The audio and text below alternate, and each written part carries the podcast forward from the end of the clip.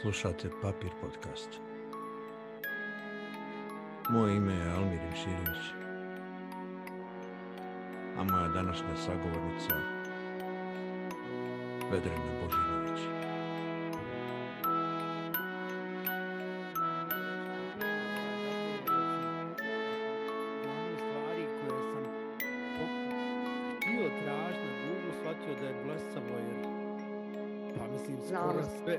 Skoro sve znam, ali sam se prisjetio da je jedan od meni dragih razgovora prije već puno godina bio u, u, u figurama, u, u emisiji figure, ja ne znam koja je to televizija, kako se tad zvala. E, BHT1 je to bio, to je BHT1. da. Da, da. I tad sam ja bio gost i razgovarao s Vedranom. I ja dan danas to ljudima spominjem kao jednu od najdražijih emisija, najdražijih razgovora i takav je koncept bio da sam se ja osjećao ugodno, ono, kao sjedimo ja i ti i pričamo. I evo ja se Znači, nadam, da. poslije ovoliko godina da ono opet sad, zahvaljujući ovoj tehnologiji i pandemiji, pričamo ono, ne u četiri zida, ali Svako u svoje četiri zida. Ne, ali moram ti reći apropo figura da se vrlo rado toga sjetim, da mislim da je to jedan od onih projekata koje čuvaš kao ono biser u školjci stvarno. Jedna emisija koja je bila ta upravo, ajde imaš gosta preko puta i ti vodiš tu emisiju, bilo je više voditelja, nisam bila sama. Ovaj, Saša Mašić, Slavša Mašić koji je to briljantno osmislio i, i režirao. I jako puno ljudi, mada išlo u nekom sumanutom noćnom terminu, je to čekalo i gledalo. I onda shvatiš da postoji publika za te razgovore. Mada ja prestajem da vjerujem da postoji publika i za šta, osim eventualno za, ne znam, ne, ne, ove reality, glasajte da ispadne taj, taj. Ovaj, I jako mi je drago bilo kad, kad se ljudi sjećaju tih figura, jer ih ja pamtim kao nešto što mi je vrlo značajno u, u životu i nekoj karijeri, jer ja imam ove dvije paralelne, pa u ovoj novinarskoj figure su mi vrlo značajne. A bilo ne znam koliko je tebi važno i da si doživljavala na taj način. Recimo, meni jedna od važnijih stvari u, to, u, u toj emisiji, u toj vrsti programa bilo je, uh, djelovalo mi jako umirujuće. Koliko god to sad Da. mo- neko može zamjeriti, ali ne znam da li to ima veze s godinama. Meni je i tada, evo danas, taj segment jako važan. I Da gledam stvari koje me umiruju i ne mislim da je umjetnost lošija kad ju umiruje. Ono, koliko Pa, je ja tebi mislim to? da mi miješamo pojmove, znaš, ono, umirujuće ne mora nužno da znači i ono uspavljivajuće ili otupljujuće. Ja ne mislim da je ono društveno angažovana umjetnost koju toliko često spominjemo i te društveno angažovane predstave o kojima stalno govorimo, ja ne mislim da one nužno moraju biti glasne. Ja samo mislim da one nužno moraju da govore o stvarima koje su za jedno društvo bitne, a to su dvije potpuno različite stvari. Sad, pitanje je senzibiliteta. Ja sam do, u proteklih nekoliko godina, valjda od nekog silnog bijesa i nemoći koja se sakupljala u meni, počela da radim jako bučne, kao dramaturg, počela sam da radim jako glasne ovaj, predstave, a onda sam u jednom trenutku osjetila potrebu da radim neke jako tihe predstave, ali nikada se tematski, odnosno suštinski nije mijenjala moja potreba da govorim o stvarima koje su bitne za jedno društvo. Tako da to ti je i sa figurama. Mislim, ja sam pričala sa ljudima o umjetnosti, o, o slikarstvu, o književnosti, o glumi, mislim, jedan od dražih gostiju mi je bio Arsen Dedić, s njim sam pričala o svemu, činim se ovome i još mnogim drugim stvarima. Ovaj, e, I bilo je umirujuće, ali mislim da nikako nije bilo otuplju, ili utupljujuće, ne znam koji je izraz za. Tako da slažem se s tobom, ovaj, možda i ja s godinama malo tiše slušam muziku nego ranije, pa čak i kad je ona punk. Evo za ljude koji pretpostavljam da ima i onih koji na, ne, ne poznaju, ne prate ovo što radi, mož, pogotovo ne zanima ih teatar. Onaj, da kažem, Vedrana Božinović je e, završila glumu u Sarajevu, a danas se pored glume jako uspješno bavi ovim što zovemo dramaturgija. I, I zato, evo, drago mi je da večeras razgovaramo, ali isto tako mi je bilo drago kad smo se čuli da si mi rekla da si u Makedoniji i da je razlog ne turizam nego opet teatar, pa evo volio bi da kažeš šta to Vedrana danas radi u Makedoniji. Ja sam trenutno u Bitoli, gde u Bitolskom narodnom teatru radim predstavu po Šekspirovom Koriolanu, koja ima još jedan naslov, a to je History of Motherfuckers. Apropo ove buke i tišine. ovaj, Koriolan je, znači, po meni, ja sam se za Koriolana spremala prošle kad je, prije nego što je izbila pandemija, dakle pandemija mi je zaustavila rad na toj predstavi, to je sve bilo namijenjeno za prošlu godinu i tad kad sam se spremala ovaj, za Koriolana, dakle spremala sam se za jednu priču o zapravo demokratiji, jer uh, da, ja mislim da, da je to vrlo bitan segment te uh, Šekspirove uh, drame i onda se dogodila pandemija u kojoj se porušilo puno stvari mm, ne samo ono nekih kao tvojih životno važnih stvari, nego i puno stvari koji su te počeli, zapravo sam počela da se pitam da li igdje postoji ikakvo demokratsko društvo, jer smo mi bili u situaciji da odjednom za naše dobro e, nam se ponovo zatvore granice. Za naše dobro smo imali policijski sat. Za naše dobro smo imali ograničenje kretanja.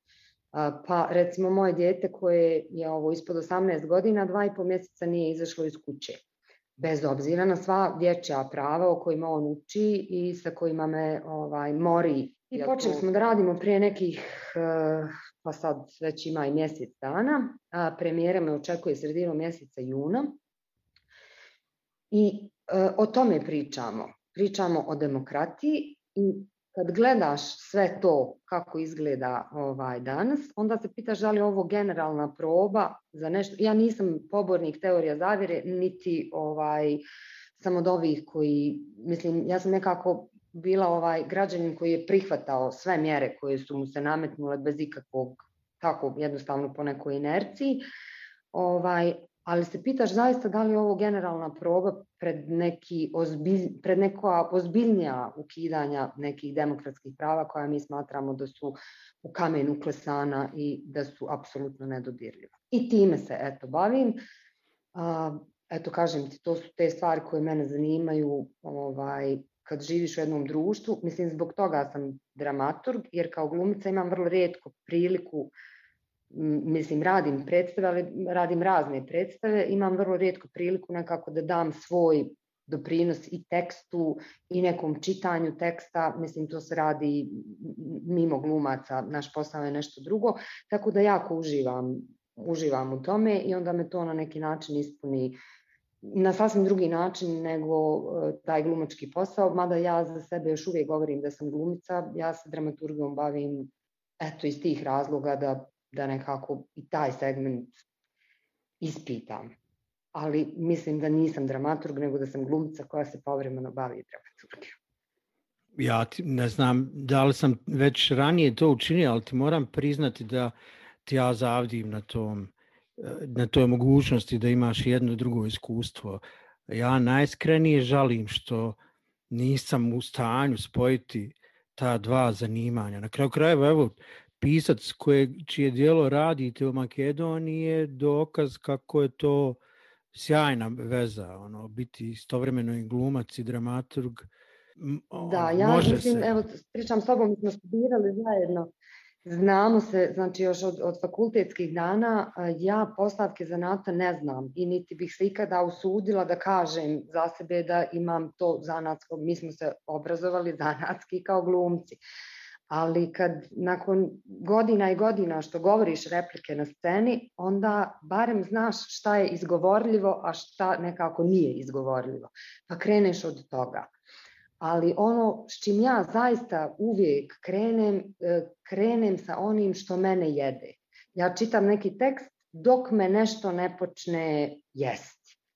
I kad me to počne jesti, onda pustim tome da radi, ovaj, do te mjere da nekad ono, ne mogu da spavam razmišljajući o, o stvarima koje su u tom tekstu i iz toga izlazi ovaj moja dramaturgija pod navodnicima što je vrlo sličan proces kad pravim ulogu. Znači kad pravim ulogu istu stvar radim. Nema tu nikakve mistifikacije, sad ovo zvuči kao neka, ne znam, ja kakva ono, šamanski neki proces, ne uopšte, nego samo ronim po tome šta me se tiče, šta me boli i šta je to što moj stomak dira.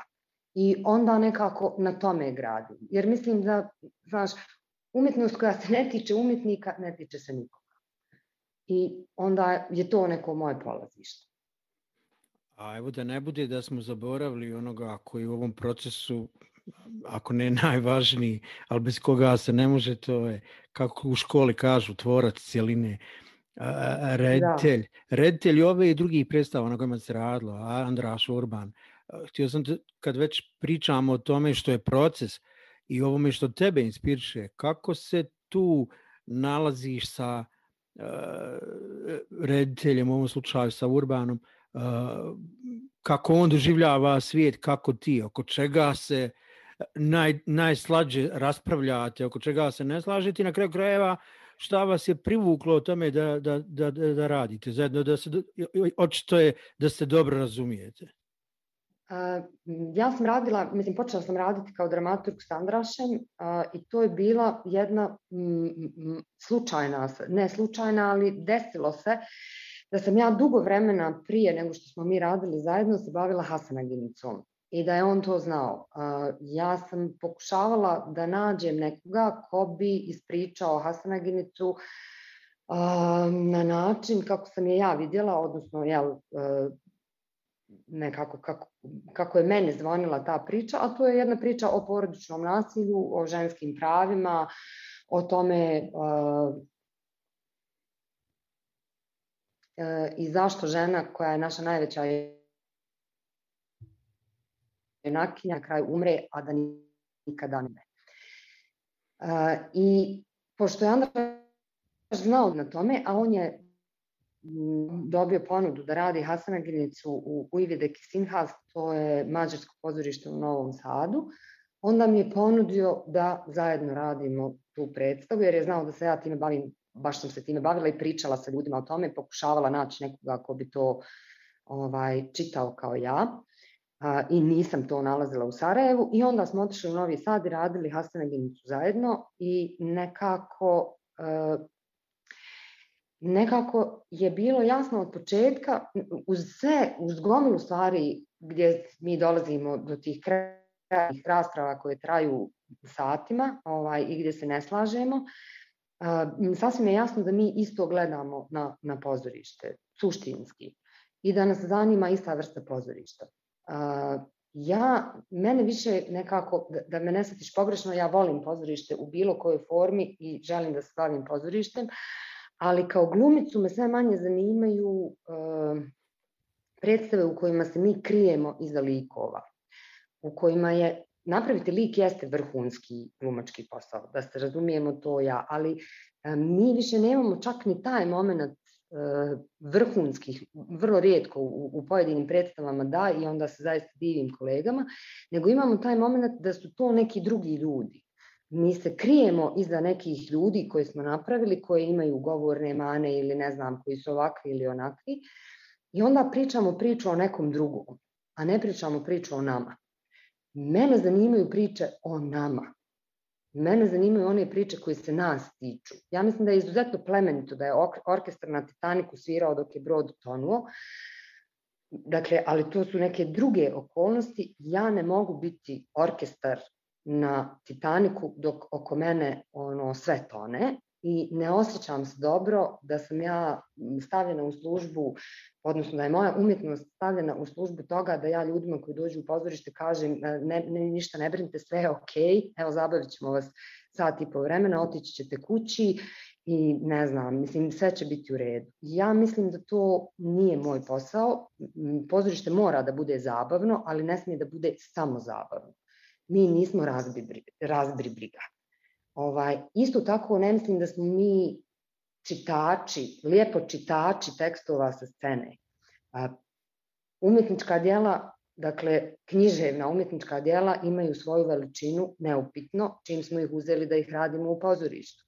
Ali mi nismo tu da pročitamo lektiru djeci koja neće da čitaju kod kuće, niti ljudima koji to nisu obavili u životu. Mi smo tu da damo naše umjetničko viđenje nekog dijela. Znači, ja vidim književnost kao bazu, ako uzmemo književnost, a pozorište vidim kao neku nadgradnju. Mislim, ne, ne, ne slažem stvari kao po vrijednosti, nego vidim da je to potpuno druga vrsta umjetnosti. Mene ne zanima da radim predstavu zato što je to veliko književno djelo.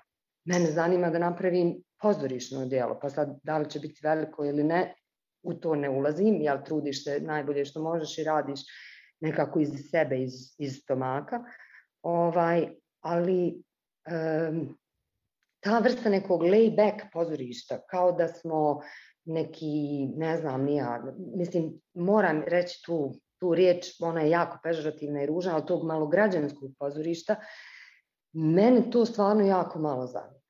Ovaj, pozorište treba da bude i zabavno i da nasmije ljude i da pruži taj sat i po čarolije, ali mislim da ne može da bude ni o čemu. Ono mora da bude o nečemu. Mora da bude stavljeno u kontekst sredine u kojoj živi, jer glumci nisu izvan, ja idem na pijacu, glasam, pratim vijesti, radim sve te stvari, ja ne živim izvan sredine u kojoj, u kojoj radim, e zašto onda radimo pozorište koje je nekako izvan sredine u kojoj nastaje. A misliš da je to, ovaj, misliš da se to da promijenilo, da je to uh, od, od vremena, evo spominjemo Šekspira, da je od njegovog teatra do danas, zar nije ista potreba bila za sve ovo o čemu govoriš, da li se slažemo da je, pred, bar pretpostavljamo da je Šekspir imao da. namjeru da govori o sebi on, u onome što živi, makar te priče se naslanjale na neke... Pazi, on je to i radio. On je da, to i radio, jer evo Koriolan konkretno, Koriolan konkretno, evo to čime se ja sada bavim, Koriolan je istorijska ličnost, za sve ljude koji to možda ne znaju, ovaj, dakle, rimski vojskovođa kojeg je Plutarh, autor koji je pisao o životu rimskih i antičkih junaka, uslovno rečeno. Ovaj, dakle, Plutarh je napisao njegov, njegovu biografiju, Šekspir je to uzeo kao osnovu za svoju dramu, istorijsku dramu Koriolan. Kod Plutarha Koriolan biva prognan iz grada koji je spasio od napada neprijateljske vojske zbog toga što se protivi zakonima o zelenaštu. Znači, to je faktografska činjenica. Doneseni su zakoni koji odobravaju kamatu i ostale stvari, narod se pobunio, Koriolan je bio na strani kamatara, uslovno rečeno, ovaj, vrlo pojednostavljeno, i istiran je iz grada. To je faktografija. Šekspir uzima Koriolana, u vremenu velikih socijalnih nereda u Engleskoj e, gdje narod je gladan doslovno i traži od e, kralja Đorđa da otvori riznice, e, ne riznice nego žitnice, ove ambare, ovaj, i da im da da jedu, mislim da, da imaju žito. Koriolan Šekspirov je osoba dakle, koja je smještena u te uslove, ne zakon o zelenaštvu, jer to nam se ne dešava u državi, nego ga smještamo u trenutak u kojem se narod u Koriolanu buni zato što je gladan i traži da se otvore ambari. To je primjer kako jedan, dakle, on nije uzeo pa kao sad neka metafora ili ne znam nija šta, nego vrlo konkretno. E onda mi imamo situaciju u kojoj, evo, ja danas radim Koriolana i onda ga stavim u situaciju u kojoj narod traži da se otvore ambari. Ali koja je logika? Mislim, danas narod, ono, je, je, je, to, je to zahtjev? Mislim, on, onda gledaš šta se dešava u tom društvu danas. Ne kažem da moraš nužno da mijenjaš tekst ili bilo šta drugo, ali ne možeš raditi izvan konteksta u kojem nešto nastaje. To je potpuno sumano. Mi takvih primjera kroz književnost imamo, mislim, na stotine. Ono što mi uvijek padne na pamet je Ibzenova Nora. Ti imaš ženu koja se buni, mislim, protiv tog patrijarhalnog sistema i svega toga. U današnjem vremenu raditi Noru je užasan izazov, zato što u današnjem vremenu je e, patrijarhalno društvo maskirano na sasvim drugačiji način nego u tom vremenu. Ne možemo raditi sve komade kao što su se radili na početku 19. vijeka. Mislim, mi reproduciramo pozorište 19. vijeka. I očekujemo da ono kao bude umjetnost koja ide naprijed ili ne znam, ljude zanima ili ne znam ja šta. Ako ne govoriš ni o čemu, zašto će te neko gledati? Ako neko dođe u pozorište i ne prepozna tebe, tvoj problem i sebe, ali ne na način, to su neke budale, ja nisam takav, nego na način da odeš kući da razmišljaš o tome, onda, mislim, onda ga ne treba ni raditi. Mislim, ja bi ovo me mogla pričati satima i ono, zaustavi me ako tupim, ali već jako dugo vremena, znači, ja jako volim Brehta, sve više i više kako vrijeme odmiče, zato što proteklih recimo 5 do 10 godina razmišljamo o tome kako mi zapravo živimo 30. godine 20. vijeka. Kako mi živimo ono doba kada je Hitler dolazio na vlast i kada su ti govorili, ma to je neka budala, mislim. Mi živimo jedan, jedno strašno, lančano buđenje e, nacionaliz, nacionalizama raznih, znači raznog desničarstva koje sa sobom vuku jedan ozbiljan fašizam kao, kao prtljak.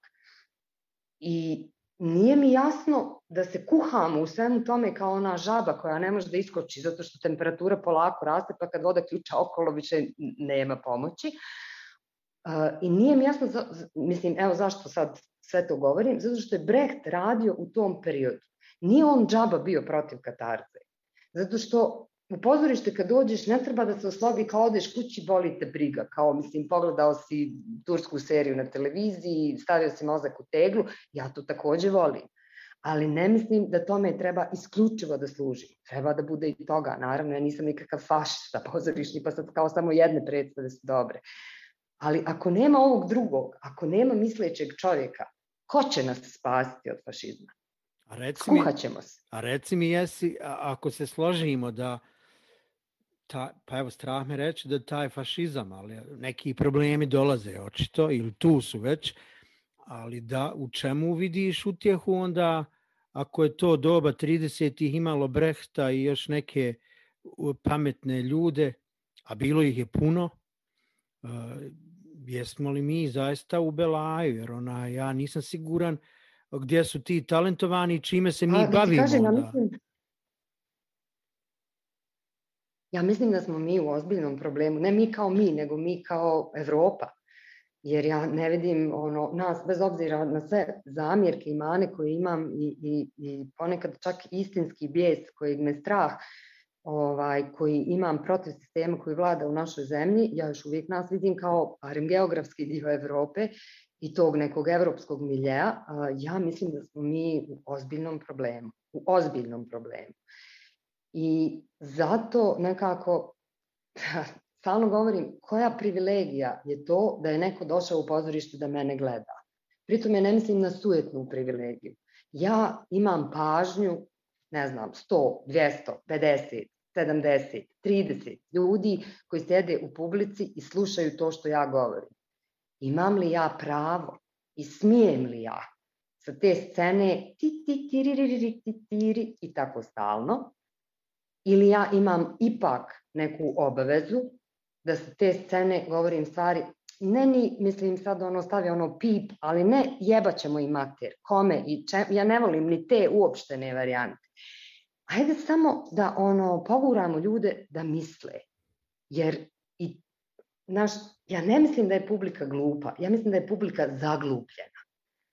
I mislim da je to učinjeno vrlo sistematski i vrlo namjerno zato što samo tu čovjek koji više, kojeg više ništa ne... Mi smo sad u situaciji da smo ono, kao zombi, zombirani smo. Nema više stvari koja nas može... Ali evo, izvini, da ne isp... mislim da ne ispadne da nešto sugerišem, a da li ponekad bar pomisliš da možda teatar tu nije nije dovoljno. Znaš, no, da li se revolucije, možda ako su revolucije, započinju nekako drugačije. Znaš, da li nama treba neko... Nemoj mi tako pogrešno. Ja ne mislim da posle bilo koje predstave koju ja radim neko treba da uzme kuku i motiku i da krene na vladu. Ja ne mislim da je to, ja, niti mislim da revolucija počinje u pozorištu. Ali, e, znaš, to je kao ono, e, evo, vrlo jednostavno. Imaš komad zemlje i ono, ako ga ne preoreš, ako ne posadiš, ako se ne brineš, ako, znači, jedan sistem je do žita. Nije to samo posadiću. ili samo preoraću, ili samo požnjaću, nego stvari dešavaju u jednom sistemu i bilo šta, bilo koji segment, segment da, da izvadiš, ti gubiš finalni produkt. I džaba si krečio sve ovo prije i džaba ćeš krečiti sve ovo posle. Ovaj, znači, ne može se izuzeti školstvo, ne može se izuzeti, ja stalno, mislim, stalno govorim, mi imamo generacije koji više ne znaju da potrče, jer smo izuzeli sport, jer je sport postao privilegija bogatih, pa ako imaš para da platiš djetetu da ide na neki sport, ono ide, ako nemaš para, onda se igra pred kućom. Mislim, tako i sa svim drugim stvarima. Mislim, to je kapitalizam, tražnosti, gledajte, sve mi je jasno, ok, društveni poredak, sve u redu. Ali mora da postoji sistem, a ja mislim da je pozorište dio tog sistema. Ja ne verujem u državu koja nema kulturu. A da bi postojala kultura, mora da postoji i pozorište. Mi sad ovde ti ja pričamo o pozorištu jer smo pozorišni ljudi. Ja ne mislim da država može bez muzeja. Ja ne mislim da država može bez biblioteke. Ja, ja mislim da je to sve dio istog sistema. Ja ti o tome govorim. Da bi se promijenila svijest, da bi čovjek rekao čekaj, meni nije dobro, a ja imam demokratsko pravo da promijenim vlast ili da napravim da mi bude dobro, on mora biti svjestan čovjek. Kako ćemo imati svjesne ljude ako ih trujemo ono, muzičkim uradcima koji imaju tri nesuvisle rečence i pet nesuvislih tonova, ili ne znam, ono, sad je to, sad snimamo pravi život, ne znam iz kojeg razloga, pa i oni se svađaju, pa možemo i mi i on tuče ženu, pa mogu i ja da tučem ženu. Znači, cijeli sistem sad radi na to da ti potpuno otupiš, da ti je potpuno svejedno. Mislim, pričali smo o Šekspiru, ono, Ja mislim da je to naš narod koji je tamo dolazio, mi kažemo mi imamo glup narod. Narod koji je tamo dolazio je bio narod koji je izlazio u sred predstave da jede, da sklopi neki posao. Gađao je glumce repom, paradajzom. Znači, bila je neka publika, ali on se njima ipak obraćao istim stihovima kojima se mi danas obraćamo našoj publici, ne znam koliko stotina godina kasnije. Ali je smatrao da to ima nekog smisla i sigurno da je imao. I ja vjerujem isto da je pozorište samo jedan dio tog sistema, ali da ga ne možeš nekako poništiti, niti smiješ dozvoliti da postane tubo. Mm, ne, neke, mislim, neke, o tome govori. Na, meni je jasno i neke odgovore znam, družeći s tobom i ono, prateći što radiš i čitajući, ali evo sad pitam zbog ljudi koji nas slušaju, pa mi recimo, uh, pa te moram pitati za, za nešto po čemu te isto ljudi znaju, a nekako uh, ovo jedno je uloga vedrana glumica, vedrana dramaturg, uh, ali vedrana aktivistica, ali kako se to kaže, pritom uh, tu riječ mrzim iskreno. Ja poznavajući Vedranu doživljavam sve ono što si ti radila, ti si, ti si zastupala ove svoje stavove. Ti kad si pisala, pisala se ovome o čemu pričamo, ti kad si igrala, igrala se ovome če, o, o čemu danas govoriš, svaki tvoj potez iskreno bio je takav. Ti kao novinarka u kolumnama u Graci i ona dio koji je ljudima zanimljivi, bar, bar kažu, ali puno ne promijeni to, Vedrana je u svim tim poslovima, možda ne na prvom mjestu, ali bila najglasnija pričajući o ženama. Pa, pa bi ono... Ova priča o društvu meni... Se desila stvar. Da, ne, izvini, neki dan mi se desila stvar koja je, ovaj, uh, moja kćerka ima 21 godinu i pričali smo potpuno nevezano, znači bila je priča o nečem sasvim desitom i onda je ona onako, mislim kao što se dijete iznenadi pa kad ima 21 godinu, ali rekla je ovaj, ja ako sam feministkinja, onda sam to zbog tebe. ja sam rekla onda, ne, molim te, nemoj, budi zbog sebe.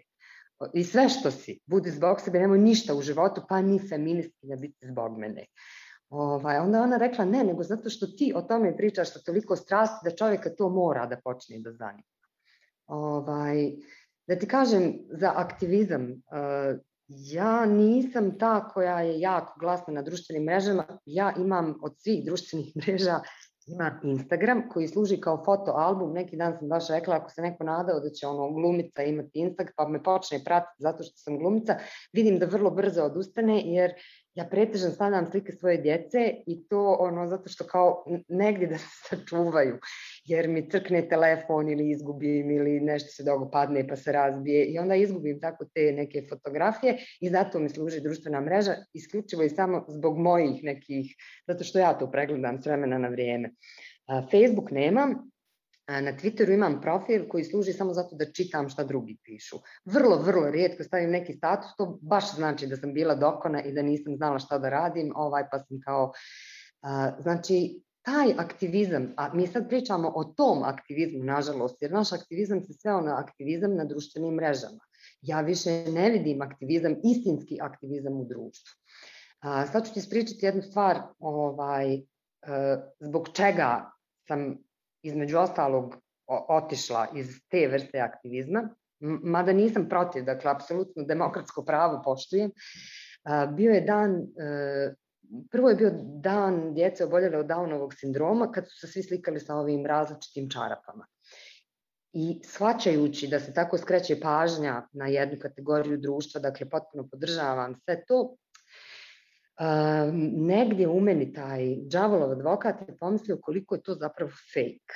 Jer ono, živimo okruženi ljudima koji malo se ipak skloniš, kao malo ipak imaš tu.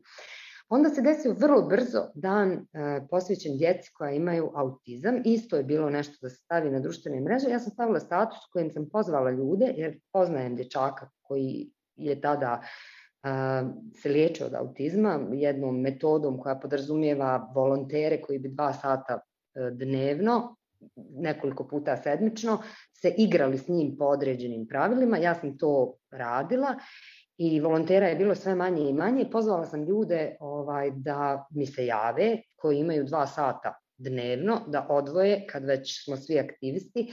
Niko mi se nije javio. I Znaš, pranje savjesti se ne smije izjednačiti s aktivizmom. To me užasno boli. Pranje savjesti i to da smo mi dobri ljudi i to da ti možeš staviti glavu na jastuk i mirno spavati posle toga, to nije aktivizam. To je jedan sebičnjakluk i licemjerje. Ovaj, e sad, ja istinski vjerujem u jednakopravnost žena.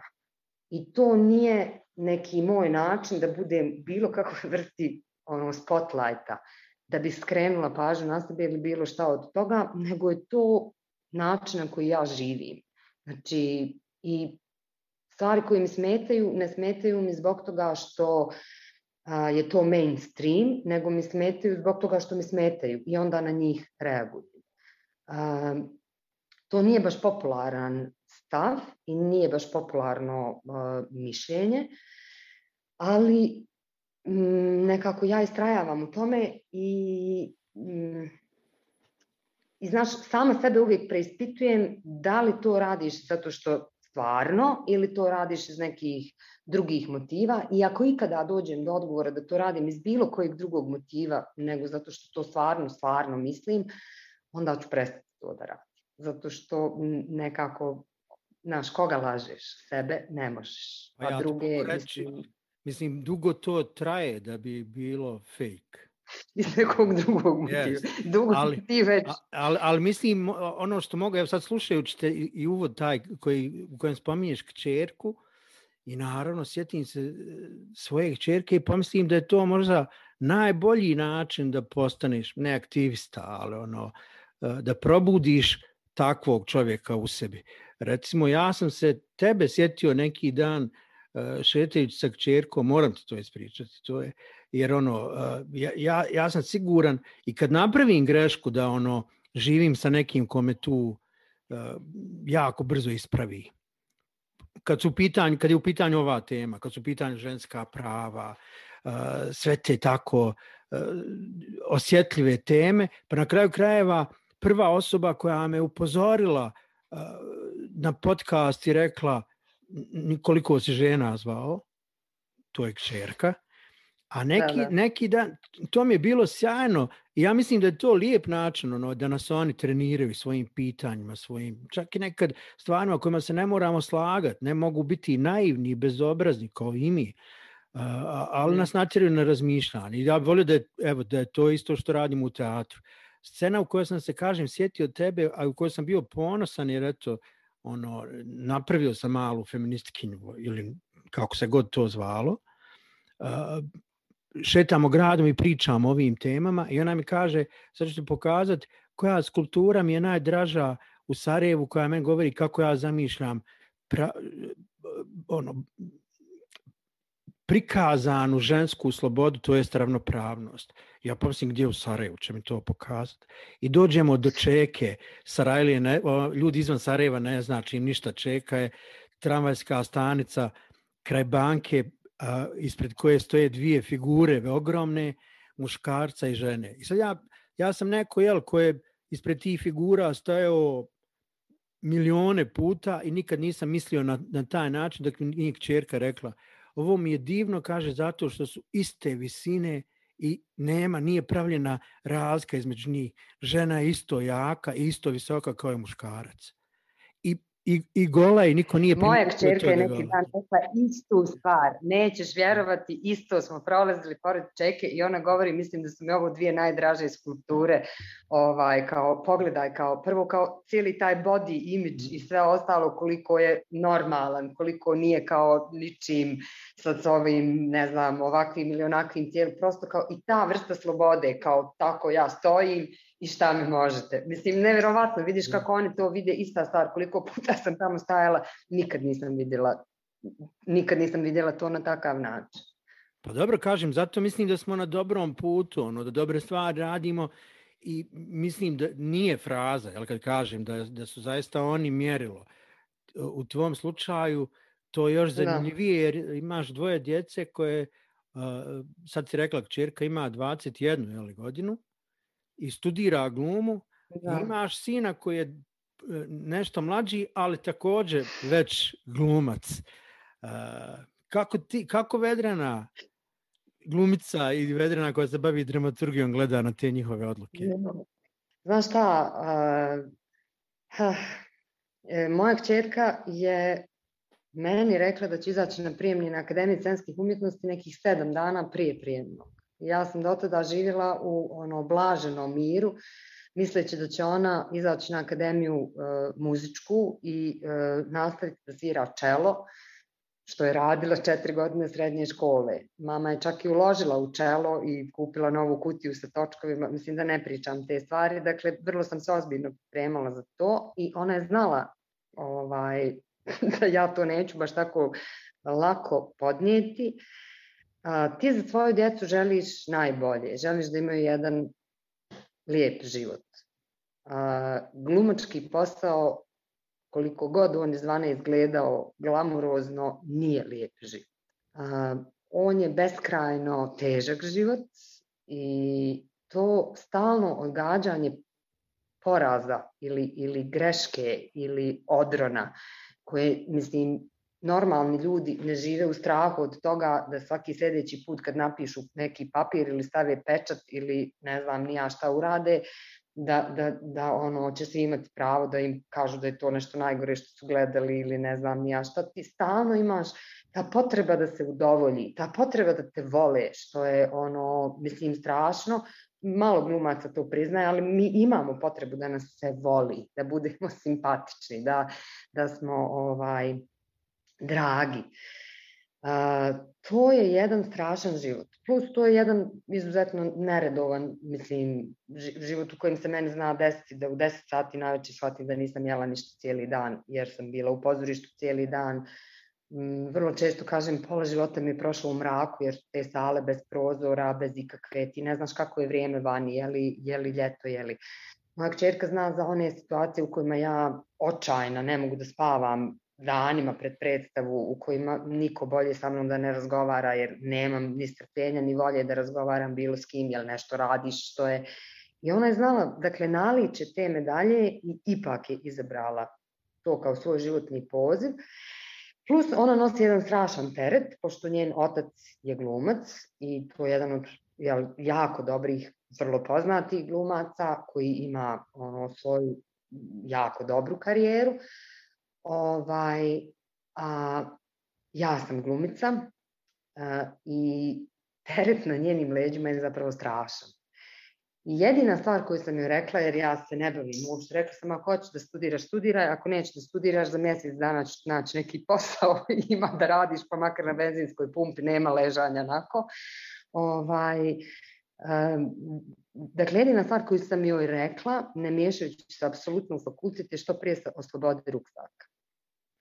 Mislim, ne trebam ti ni ja, niti ti treba tvoj otac, niti ti treba moj put, niti ti treba njegov put. U tom smislu trebamo je naravno jedno i drugo, ali ne u tom smislu. Traži svoj put.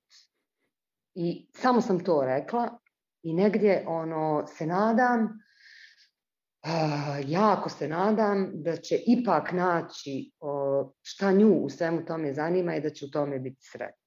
A što se tiče ovog malog, ovaj, uh, nju nismo, njoj nismo dali da se bavi pozorištem uopšte, ona je odrasla u pozorištu, ali u publici, nikad joj nismo dali da igra u predstavama, niti smo joj dali da ide u bilo kakvo amatersko pozorište, da recituje u školi, znači jako smo bježali od toga, jednom smo samo napravili izuzetak, ali to su bile neke specifične okolnosti, I ovaj, evo, zeznuli smo se jako jer je ona izabrala glumu. E sad njega guramo, ono, gdje god treba dijete, ako nas pitaju može li, mi kažemo može, u nadi da će on ispucati to do trenutka dok će doći u neke godine kad bude birao svoj posao. Za sada govori da će biti naučnik i da će živjeti u Beču. Što je meni kao majice grozno, jer ovako ću dakle komunicirati sa djetetom koje već planira sa 10 godina da ode iz države u kojoj živi, ali taj dio da će biti naučnik, to je ok. I reći ću samo još jednu stvar, kada je Sara, to je moja kćerka, upisivala srednju muzičku školu, nazvao me prijatelj iz, iz Londona, ovaj, koji me pitao kako mi je djete i tako pričali smo, mislim dobro smo prijatelji, znao je da upisuje školu i kao šta je na kraju upisala, ja kažem na kraju upisala čelo, ovaj, srednju muzičku, onda je on rekao hm, umjetnik, Kao, jer znaš koja je razlika između umjetnika i pice, džambo pice? Ja kažem, ne znam. Kaže on, džambo pica nahrani porodicu od četiri. Eh. Pa, ja ne znam, možda je to ostalo onako, znaš, kao mi se pre, međusobno plaš, prepadamo takvim pričama. Ne, ne mislim ja da je bavljenje umjetnošću najstrašnija stvar koju nam djeca mogu raditi i drugi, ali evo ja moram spomenuti, zbog, zbog tvog sina, ja ne znam, koliko je njemu godina, on je najmlađi od glumaca u, u porodici. Deset. Mislim, to, to je dječak koji već sad ima, vjerovatno je to, kako se to kaže, recept za uspješnu karijeru, ono, odluka da budeš naučnik i da živiš u Beču i onda postaneš uspješan i u glumi. Naime, ja sam presretan gledao njega kako igra u Kavkaskom krugu kredom Paola Mađelija, i tad sam još uvijek kao u sjajnoj predstavi i doživljavao ga kao dječaka koji se lijepo snalazi u tome što su mu dali. A neki dan sam ga gledao u predstavi Kokana Mladenovića u Schindlerovom liftu i tu više nisam doživljavao kao ovo malog dječaka, nego bio neverova, ono, ostao bez teksta, tamo je petero djece ili koliko je već njih u, u predstavi, ali nisam više odvajao od posla koji su radili odrasli nego to su zaista bili da. mali glumci. I naravno i ta sreća, recimo, moram priznati da mi je to bilo meni izazvalo osmije na licu, jer sam se sjetio da u, u Mađelevoj predstavi igrao s mamom, u, u, u Kokanovoj predstavi igrao s tatom uh, i on to sjajno radi. I ja, ja vjerujem, ako bude naučnik, da mu ovo može biti samo od koristi, tako da Mi ja se nadam da će ipak biti naučnik, da kažem. Ne zato što je umjetnost najgora stvar koju možeš da se baviš, nego zato što ja mislim da je to ono istinski se baviti bilo čim. Mislim, najvažnije i, i stvarno najvažnije je da, da voliš to što radiš i da si sretan u tome što radiš. Ja svoj posao vidim kao jako težak posao, to nije rudarski posao da sad ne idemo na onu priču, ja ne kopam ono mrki ugalj nisam u opasnosti da mi se sruši planina, a pritome zarađujem ono 400 maraka mjesečno.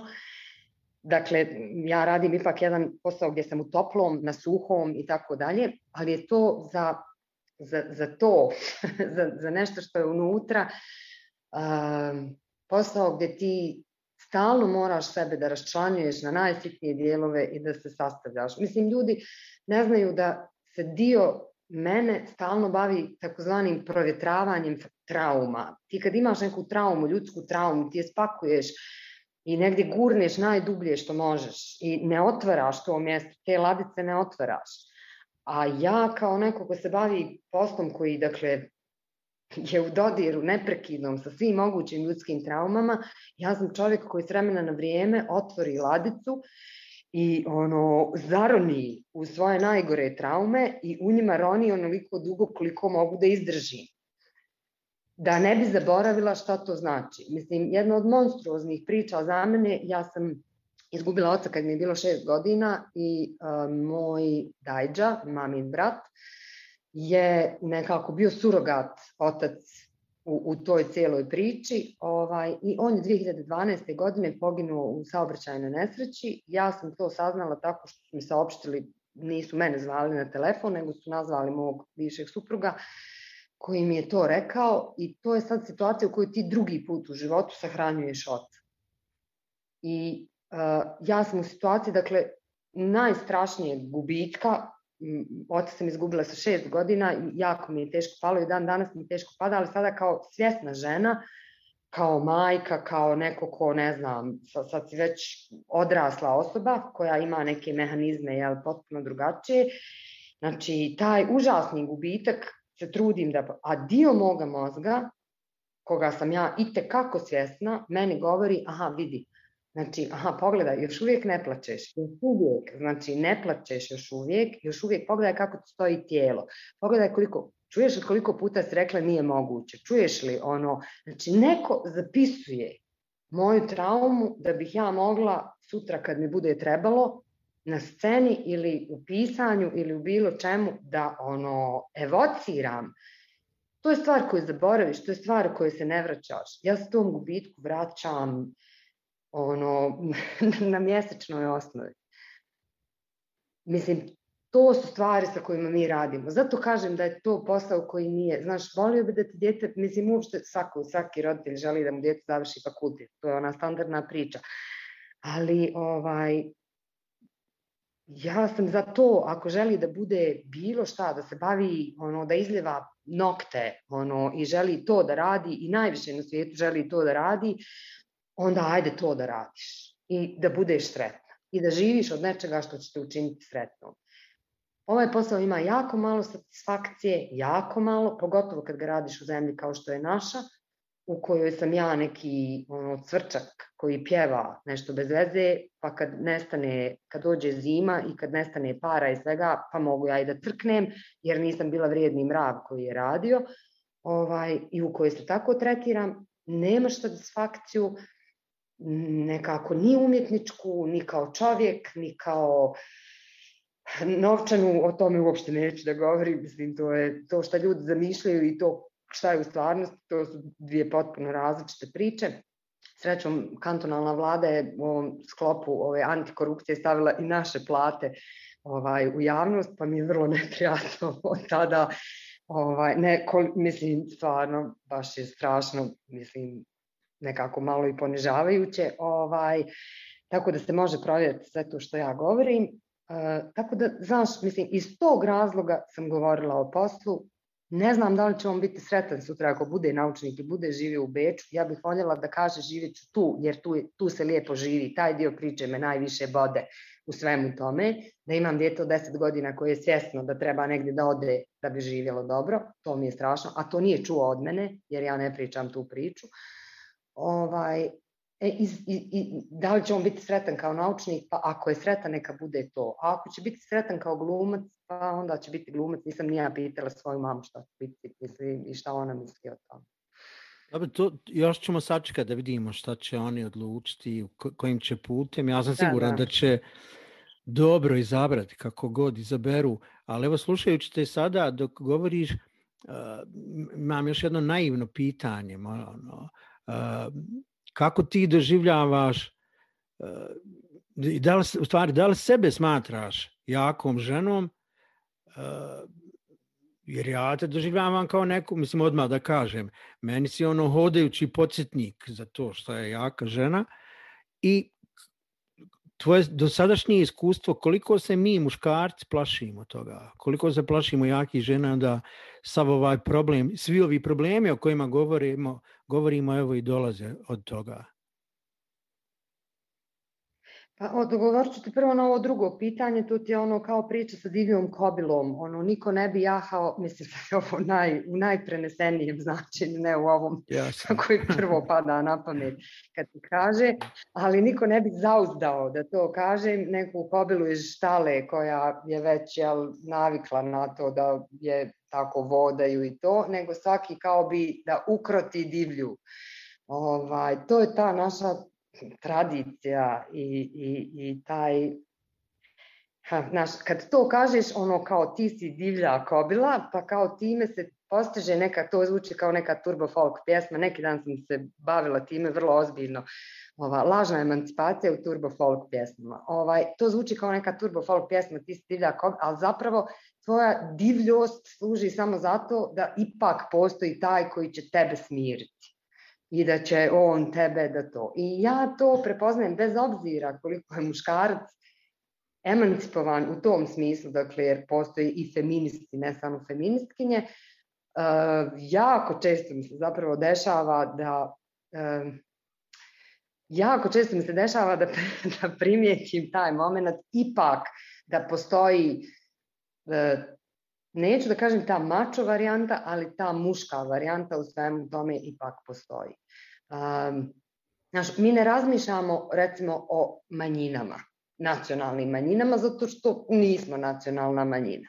I onda nam zvuči kao prenemaganje kad dođu ljudi koji kažu mi kao nacionalna manjina, sad ne pričamo uopšte o Bosni i Hercegovini, pričamo o bilo kojoj evropskoj državi, ovaj, mi kao nacionalna manjina tražimo, ma da, kao mislim, šta hoćete, ne znam ovo ono. Tu ti otprilike taj odnos sa, sa ženama.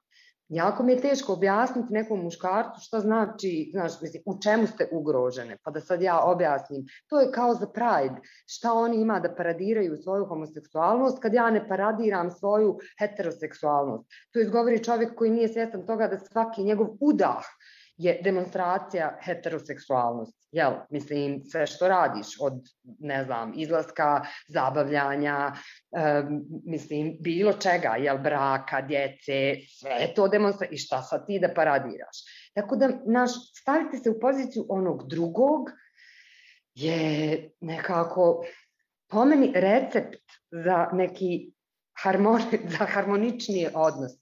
Kad te nervira dijete tinejdžer, ti polaziš iz pozicije roditelja koji je pametan, mislim sve zna, staložen, ne znam ovo ono, i naravno da te nervira njegova glupost. Ali kad se staviš u njegove cipele, što bi rekli englezi, onda vidiš da je njegov problem to što, mu kosa, što je kosa stoji ovako, a ne stoji ovako, da je to zaista najveći problem u tom trenutku na svijetu i mislim, ne iz tvoje perspektive, ali iz njegove perspektive, to jeste problem i s tim se treba to treba rešavati kao problem.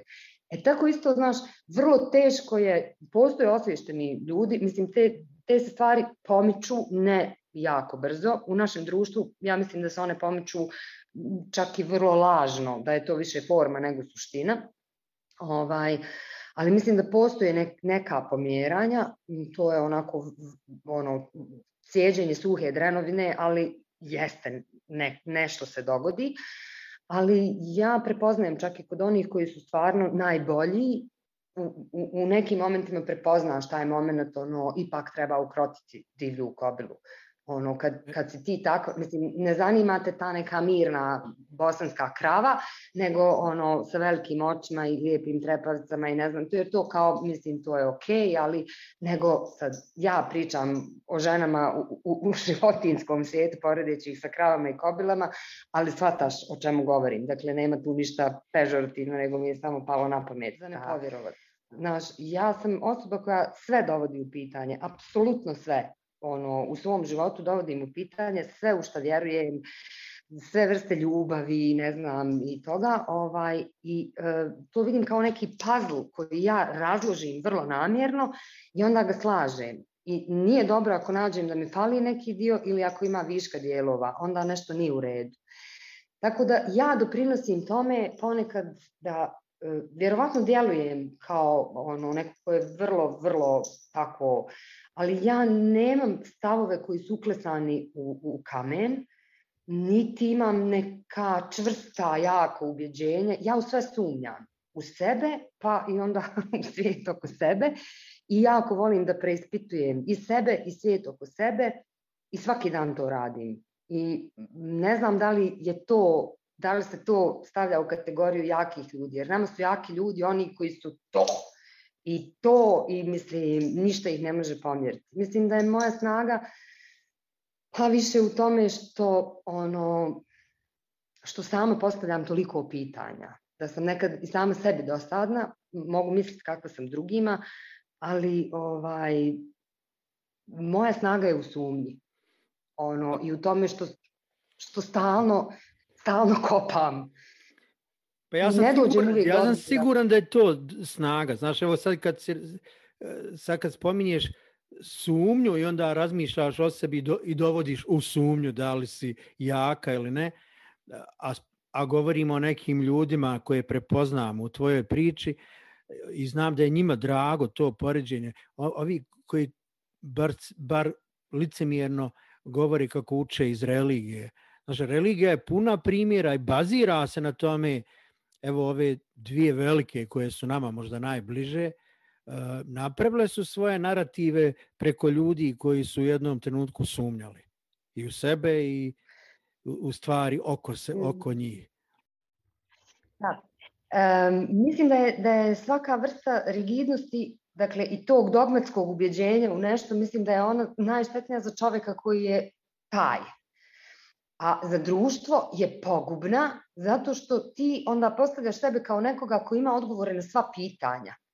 Uh, ti automatski postaješ neki čovjek koji je iznad svih drugih ljudi jer ti si riješio stvar sa svijetom. Uh, ja sam religiozna, dakle, spadam u, u onu kategoriju vjernika, mislim, ne oni kao što sumnjaju, vjeruju u nešto, ja vjerujem u Boga vrlo određeno. Ovaj, a, ali nikad se ne bih usudila, ne zbog svog načina života ili zbog, ne znam, ne, nikada se ne bih usudila da budem ta koja zna odgovor na sva pitanja. Jer ja mislim da je to zaista u domenu Božijeg, a ne u domenu ljudskog. Ja sam čovjek i zato ne znam odgovor na sva pitanja i ne mogu ih nikada ni znati. I sad ovde nema nikakve neke pretirane filozofije, ja mogu da se nadam da ću neke odgovore saznati. Ali da se postavljam u poziciju, mislim, naravno ne govorim protiv učenih ljudi ili mislim svata šta govorim, govorim samo protiv te vrste dogme u kojima postoji crno i bijelo bez ikakvog međuspektra. Ja mislim da postoji milijarda boja na svijetu i da niko od nas ne zna baš sa 100% sigurnošću koje su to dobre boje i koje su loše boje.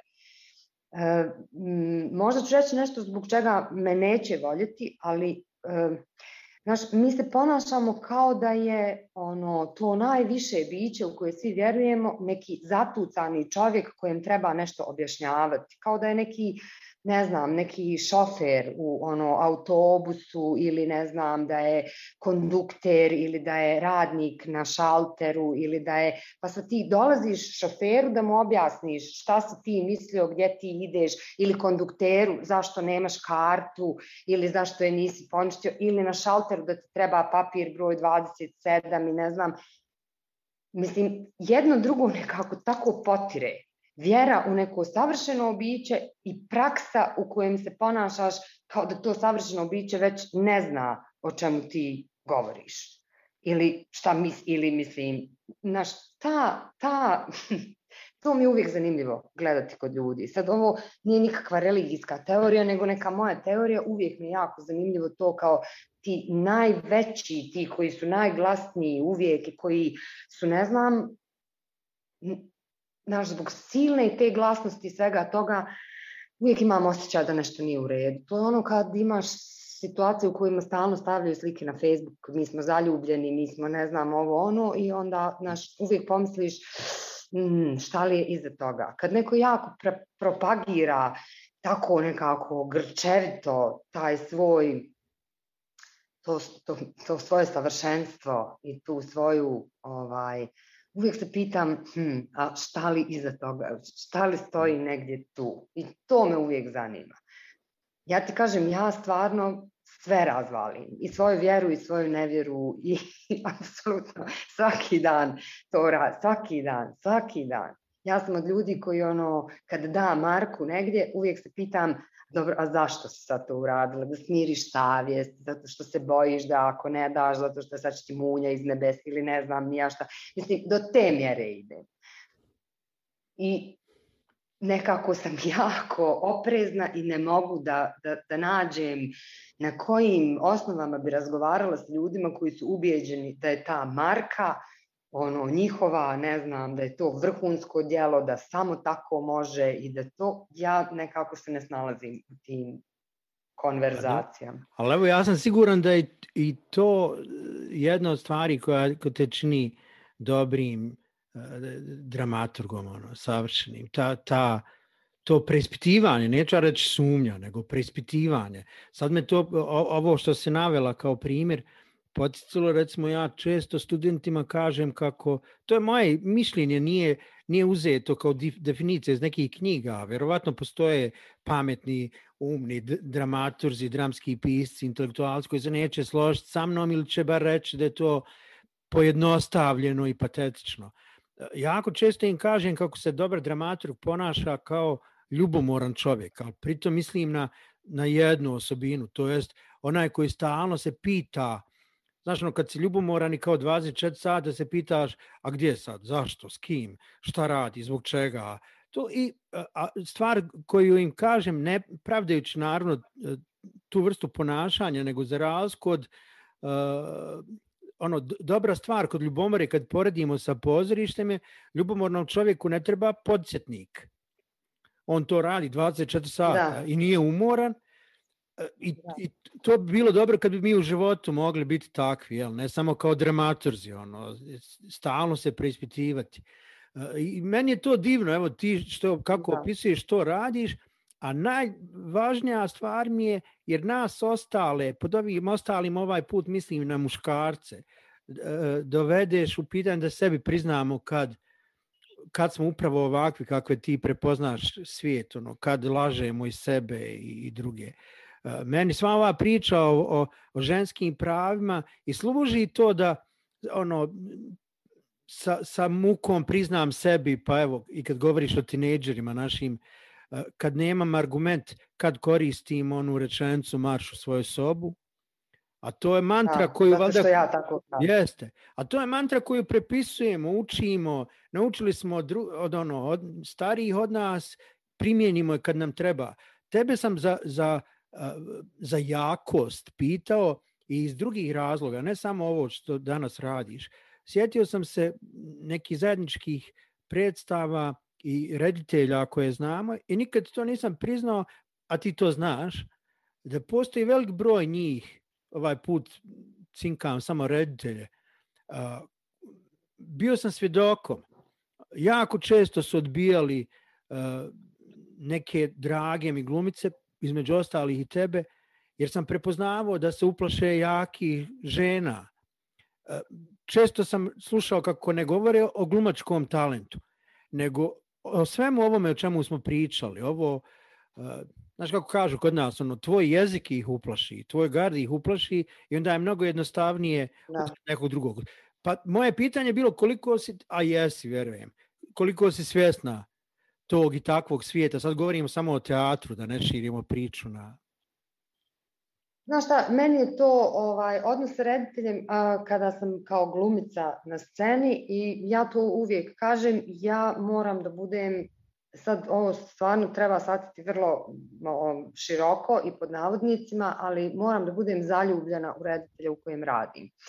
Znaš, onaj osjećaj te zaljubljenosti kad si u stanju da ono sve uradiš za nekoga, bez da postavljaš pretirano mnogo pitanja koliko je to Svataš, mislim, koliko je normalno da sad se oblačiš odjednom drugačije ili da pričaš ili da počneš da gledaš futbalske utakmice koje te ne zanimaju, nisu te nikad ranije zanimaju, ali ovdje jedan put te zanimaju, da slušaš neku muziku. Pritome ne gubiš sebe, nego nekako tražiš, tražiš prostor i vrijeme da budete skupa i da što više budete skupa i da što više, ja tako gledam, na, mislim, vrlo često me pitaju kao ko je omiljeni reditelj s kojim uvijek kažem onaj sa kojim trenutno radim, jer samo tako može biti, ne zato što sam ja licemjer koji ne može da prizna ja znam kojeg reditelja najviše volim i s kim najviše volim da radim, ali onaj s kim radim trenutno mora da bude moj omiljeni reditelj, jer ne možeš živjeti sa jednim čovjekom, a sanjati o drugom. Možeš, ali je to fake i ne vodi ničemu, mislim, onda,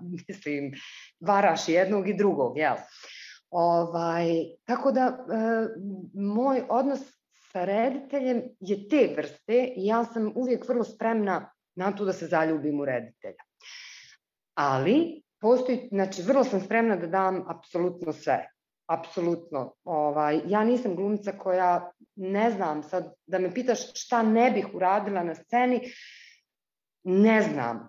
U određenim okolnostima ništa, u određenim okolnostima sve, svataš, mislim, vrlo, vrlo je to, ali sam vrlo spremna na to da idemo. Idemo zajedno pa dokle dođe. Ovaj, nekad dođemo do nečega, nekad ne dođemo, uglavnom to je, ovaj, ali postoji tu jedna stvar. A, jako brzo prepoznaš koji reditelj tebi daje, jer to je dvosmjerna ulica. Kad se završi predstava, ti si malo u poziciji ono, raz, razvoda braka, u kojem sad evo ja sam žensko pa ću uzeti ulogu majke, a reditelj je recimo muškarac, mada reditelj može biti i žena, pa evo on u nekoj poziciji oca, on sad odlazi, ja ostajem i ostavlja mi to dijete koje smo zajedno napravili tu predstavu. A, u razvodu braka ipak, mislim, se podijeli neka imovina, pa dobiješ svoje ploče ili neku knjigu ili neku sliku ili ne znam nija šta, poneseš sa sobom ili ti ostane suđe ili ne znam nija šta.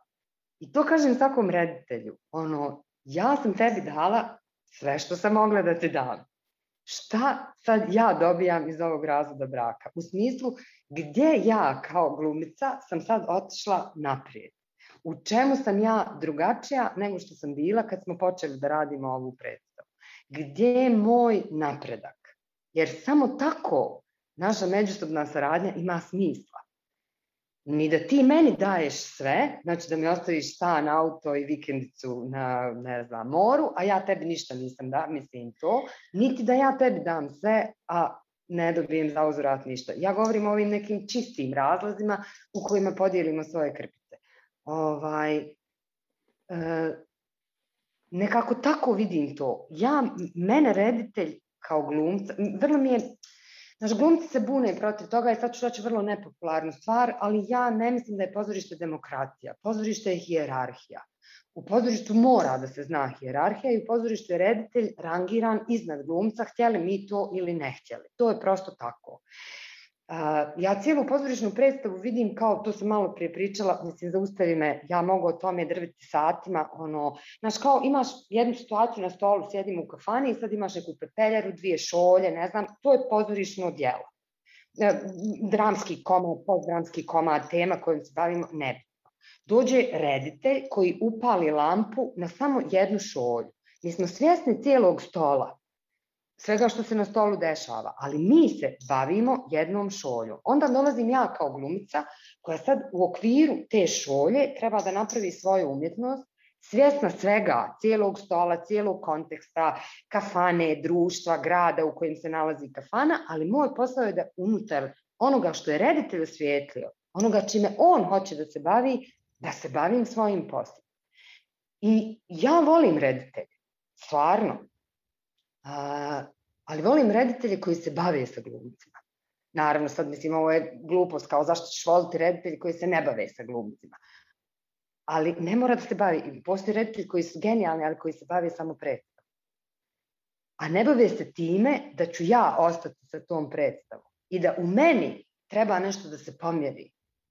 Da bi ja donijela tu predstavu ne može se predstav praviti izvan mene koja igram u toj predstavi. Ja ne mogu odmah oduzeti neki kaput i obući ga na sebe i biti, pre, mislim, ja ne verujem u to. Ja vjerujem u to da taj reditelj u razgovoru sa mnom i u svemu što radimo mora tu da ja nađem šta mene u toj šolji jede i na tome da se gradi cijela priča. Ne u drugoj šolji, da ja sad mene jako jede džezva. Neka te jede, to je druga predstava. Nego da zajedno nađemo gdje sad nas dvoje možemo iz toga. Tako da i njemu u našem razvodu ostane nešto, a i da sam ja bolja glumica, ne bolja kako to svi misle, znaš, ne sad bolja glumica, nego da sam bogatija glumica i opet ne u novčanom smislu, nego u svakom drugom smislu, nego što sam bila prije nego što smo počeli raditi zajedno. E, takvih reditelja je malo. Mene nekako ne zanima reditelj koji se boji moga jezika. Ja ne pitam da bih pitala, niti pitam da bi rušila predstavu. Za mene je predstava važnija od bilo čega i od mene same. Ne postoje pojedinci, postoji predstav, mi smo kolektiv. Znači, ja nisam ono ja na sceni koja treba da izdominira. Ja sam u službi predstava igrala glavnu ulogu ili unijela tacu. Moja služba je unutar cijeline. Znači, ja nikada ne rušim predstavu i nikada ne rušim autoritet reditelja. A činjenica da ti se bojiš moga pitanja govori o tebi, ne o meni. I zato me to nikada nije, nikada me nije boljelo ovaj, i nikada nisam, znači ja sam imala sreću da igram u filmovima, nikada nisam ulogu dobila na audiciji. Neverovatno, nikada.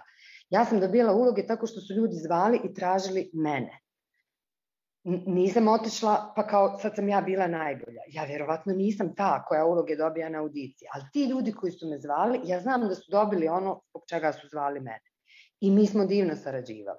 Tako isto i za pozorište. Ovaj, mada tu dobijem nekad čak i na audiciji, ali ovaj, uh, ako me zoveš da igram, ja prvu stvar koju pitam zašto ja, a ne neko drugi.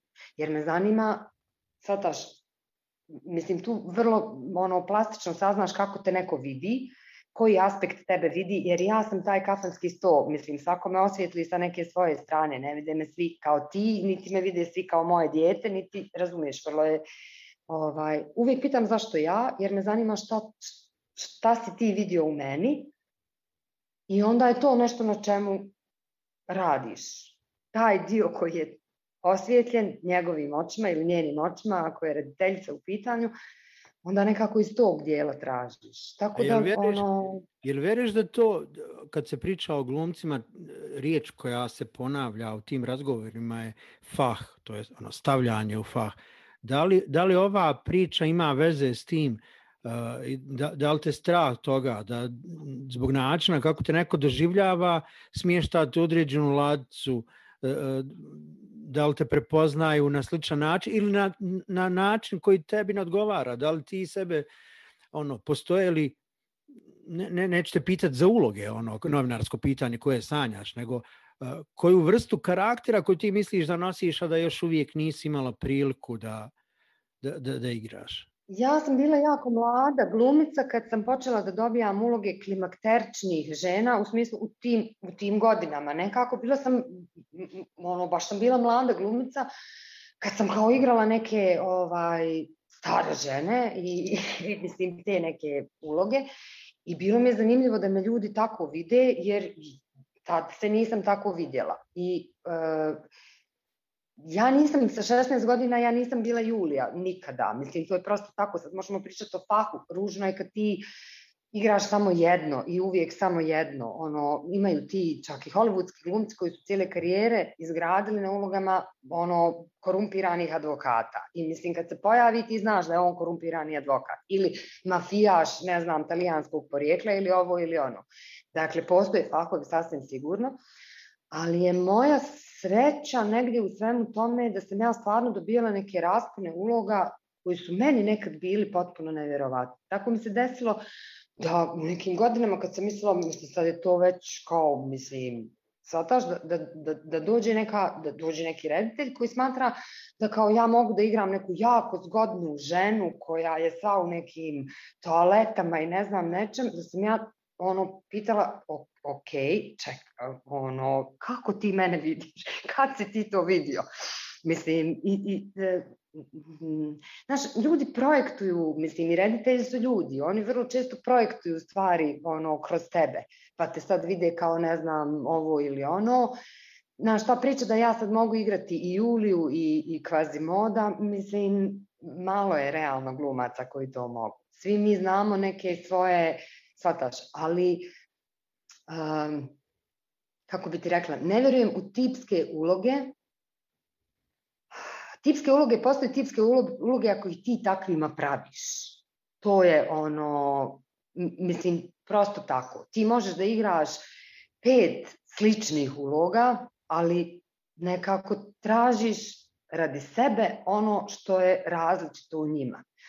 Jer koliko god se mi žalimo da nastavljaju fah, postoji i ta varijanta u kojoj ti počneš da sviraš, što je moj profesor u engleskoj rekao, ovaj, kao svirati na jednoj uh, oktavi klavira, ono, ti sviraš perfektno jednom rukom i super ti je to, ali klavir ima sedam oktava ovaj, i može da sviraš sa dvije ruke i bilo bi zanimljivo ono, da, da to istražiš, a ne samo, znaš, i glumci se nekad zadovolje time, ja sam briljantan komičar i ono, publiku uzimam ovako na, ne znam, geg i ja ću to.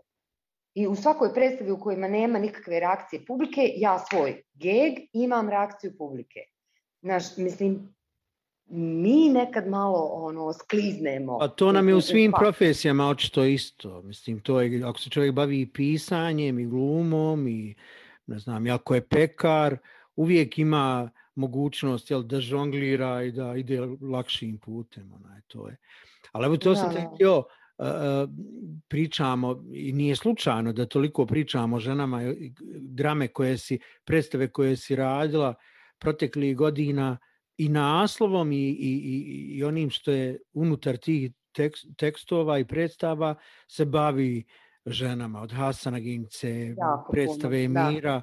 Da. Ja pretpostavljam, evo, danas smo spomenuli predstavu na kojoj tek radite u Makedoniji i znam da Šekspir tamo ima ponovo i u toj, i u toj tragediji ima sjajne ženske likove i, i naravno da me zanima šta ćeš ti, šta će Andraš Urban uraditi sa tim takvim likovima. Kog seća majka i žena su tu Jel, da, majka one, supruga, da, da, to je ono, neki arhetipi, možda čak i ovih, mislim, uh, jako puno sam se bavila u dramaturgijama sa, mi imamo predstav Don Quixote koju smo radili u Crnoj Gori koja zapravo uh, govori o ženama, koju igra sedam žena i koja govori o ženama.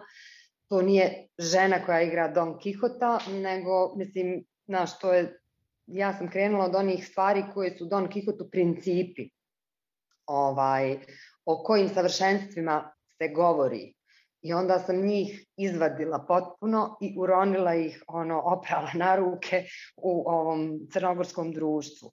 I recimo zanimljiva je strašna reakcija na tu predstavu koju mi je žao trebala je da igra u Sarajevu, ovaj, to je isto jedna jako bijesna predstava.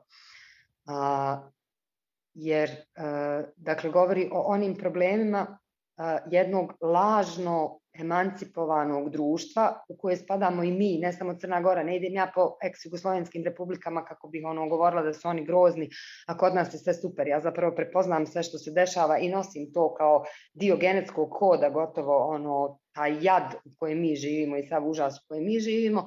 Vrlo je to lako primijeniti na sve, ovaj, na sva druga društva.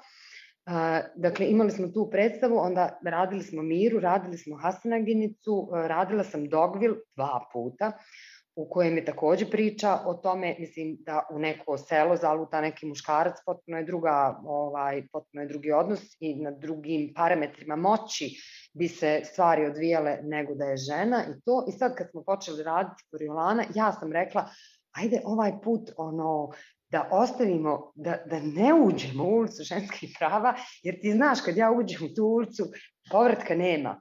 I ovaj, neki dan smo pričali o tome, zapravo, znaš, mislim, mene uz to sve jako zanima i taj segment majčinstva i onda se tu pojavljuju dvije vrste majke i na tome, eto, to je stvar koju, na tome sad gradim cijelu tu priču. Jedna majka je ona majka, mislim, vrlo je jasno prepoznati tipove majki u našim ovim balkanskim zemljama. Jedna je ona koja dijete odgaja za rat. ona koja odgaja djete da bi poginulo za državu, za naciju, za vjeru, za narod, za ono zemlju, ona koja, mislim, to je vrhunska čast da imaš djete koje je ratnik. I druga koja djete odgaja zato da bi otišlo da bude scientist i da živi u Beču. ovaj, to, je, to je ova druga krajnost. Vrlo je lako, mislim, kod Šekspira prepoznati i to mene oduševi kad radim ono dramaturški posao, isto kao što me oduševi kad radim glumački posao, kako je jednostavno, samo ako čitaš, da ne igraš neku volumniju, neku majku koja sprema nekog sina Kaja Marcija u rat, nego da igraš ovu majku odavde, majku iz rodoljubaca ili ne znam kako se zove sa taj lik koji kaže neka će poginuti sve da ode do vraga, ali da ne znam, da, i onda vidiš kako to ide kroz vijekove, kako mi ne izmišljamo toplu vodu, nego se samo vrtimo u začaranim krugovima, ali je dobro nekad, znaš, kad se vrtiš u tom krugu, onda nekad ni ne vidiš da se vrtiš u toj centrifugi, pa dobro je nekad ono ljudima reći, evo i Šekspir piše, i tamo je neka majka djete odgajala za rat, a ova druga je odgajala da se malo skloni i da bude naučnik u Beču.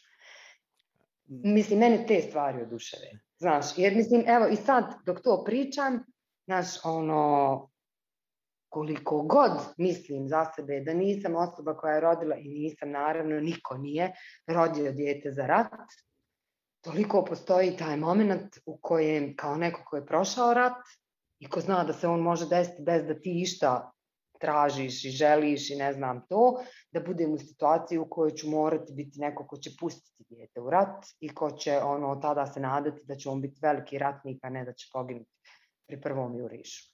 Znaš, e, to je sad ono što ti kažem koliko se radi. Ja ne mogu reći ja sam samo to. Jesam, ali sam i ovo. I ta ono, klackalica, to, to je strašno, ali to me nekako vozi. Kako ti doživljavaš i kakav je tvoj odgovor na činjenicu da e, žene bolje razumijevaju ovo što nam se danas dešava? Nije zaista fraza, evo kad govorimo o teatru, e, činjenica je da to što se zove savremenim dramskim pismom ili savremenom dramaturgijom uh, diktiraju žene. Žene su ne samo najglasnije, nego i najmudrije. Evropski teatar su danas spisateljice poput Jasmine Reze na ovim našim prostorima, od Biljane Srbljanović, Tene Štivičić, Ivane Sajko, Milene Marković, sve jako uspješne i mudre žene. I mene uvijek zanimalo, u svijetu, da ne govorimo Sari Kane, još nekim, uh, uvijek zanimalo šta se to dešavalo proteklih decenija, pa su uh, žene uspjele napisati ono što evo mi muškarci i ne pokušavamo, ne samo ne, ne umijemo, nego Pa, znaš šta, ne znam odgovor na to pitanje. Uopšte sad na prvu bi možda odgovorila kao ono standardni onaj odgovor kad si na autopilotu daješ intervju, zato što mi imamo senzibilitet koji to prepozna, ne znam. E, ne znam da li se radi o tome ili se radi prosto o tome da se dogodila jedna generacija, tako se dogodi, koja ono promišlja svijet. Ne znam, ono, ne znam će odgovoriti na to, znam da ovaj, Znam da me negdje boli i pritom je zaista nisam kritična u negativnom smislu, ali me negdje boli, evo sad si nabrajao žene i ono vrlo je teško da nabrojiš nekoga iz Bosne i Hercegovine. To je stvar koja ne zato što mi nemamo dramaturga, imamo ih, ali mi jako dugo nemamo ljudi koji pišu i objavljuju dramske tekstove. Znaš, mislim, to je isto jedan sistem koji bi trebao konačno da se dogodi. Mi konačno bi trebali da imamo neku varijantu nekih poticaja, ako ništa drugo, da se stvari pokrenu i onda sistem koji će te stvari, makar i vještački, održavati određeni broj godina, jer se samo tako može doći do nečega. To je ova čuvena priča 17% ili 14% ili 25% žena u politici, pa kao to je glupost, kao mislim ne možeš to procentualno odrediti. Naravno, ali to je početak. Ti odrediš da bi za 10 godina imao 50%, jer se osnaži. Bitno je da krene prva.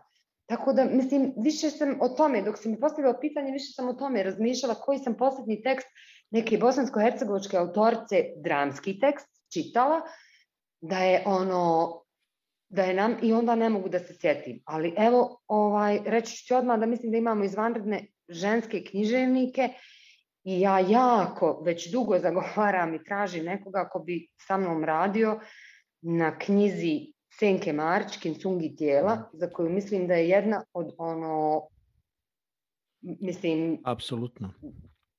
Sigurno, apsolutno najboljih koji sam ja pročitala. Ovaj, ja zaista čitam domaće pisce, jako volim, ovaj, ali apsolutno najbolji koji sam ja pročitala i koja govori o svim ovim stvarima o kojima ti ja pričam. To je knjiga napisana iz ženske perspektive koja govori o jednom društvu koje ima rak a svi naši rakovi su samo metastaze tog jednog društvenog raka koji nam se dešava na globalnom planu. E, ja mislim da je to priča za pozorište. Znaš, sad kad sam ti rekla, ja, eto, to je jedna tiha ono, predstava, bez bijesa, ali vrlo društveno angažovana. Mi ćemo umirati od metastaza društvenog raka koji, će, koji, mislim, koji nas ubija. I meni je to ta knjiga. I recimo to bih voljela gledati u pozorištu.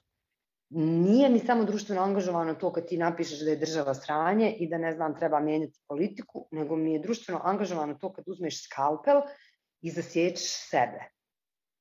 Ono, tamo gdje najviše boli.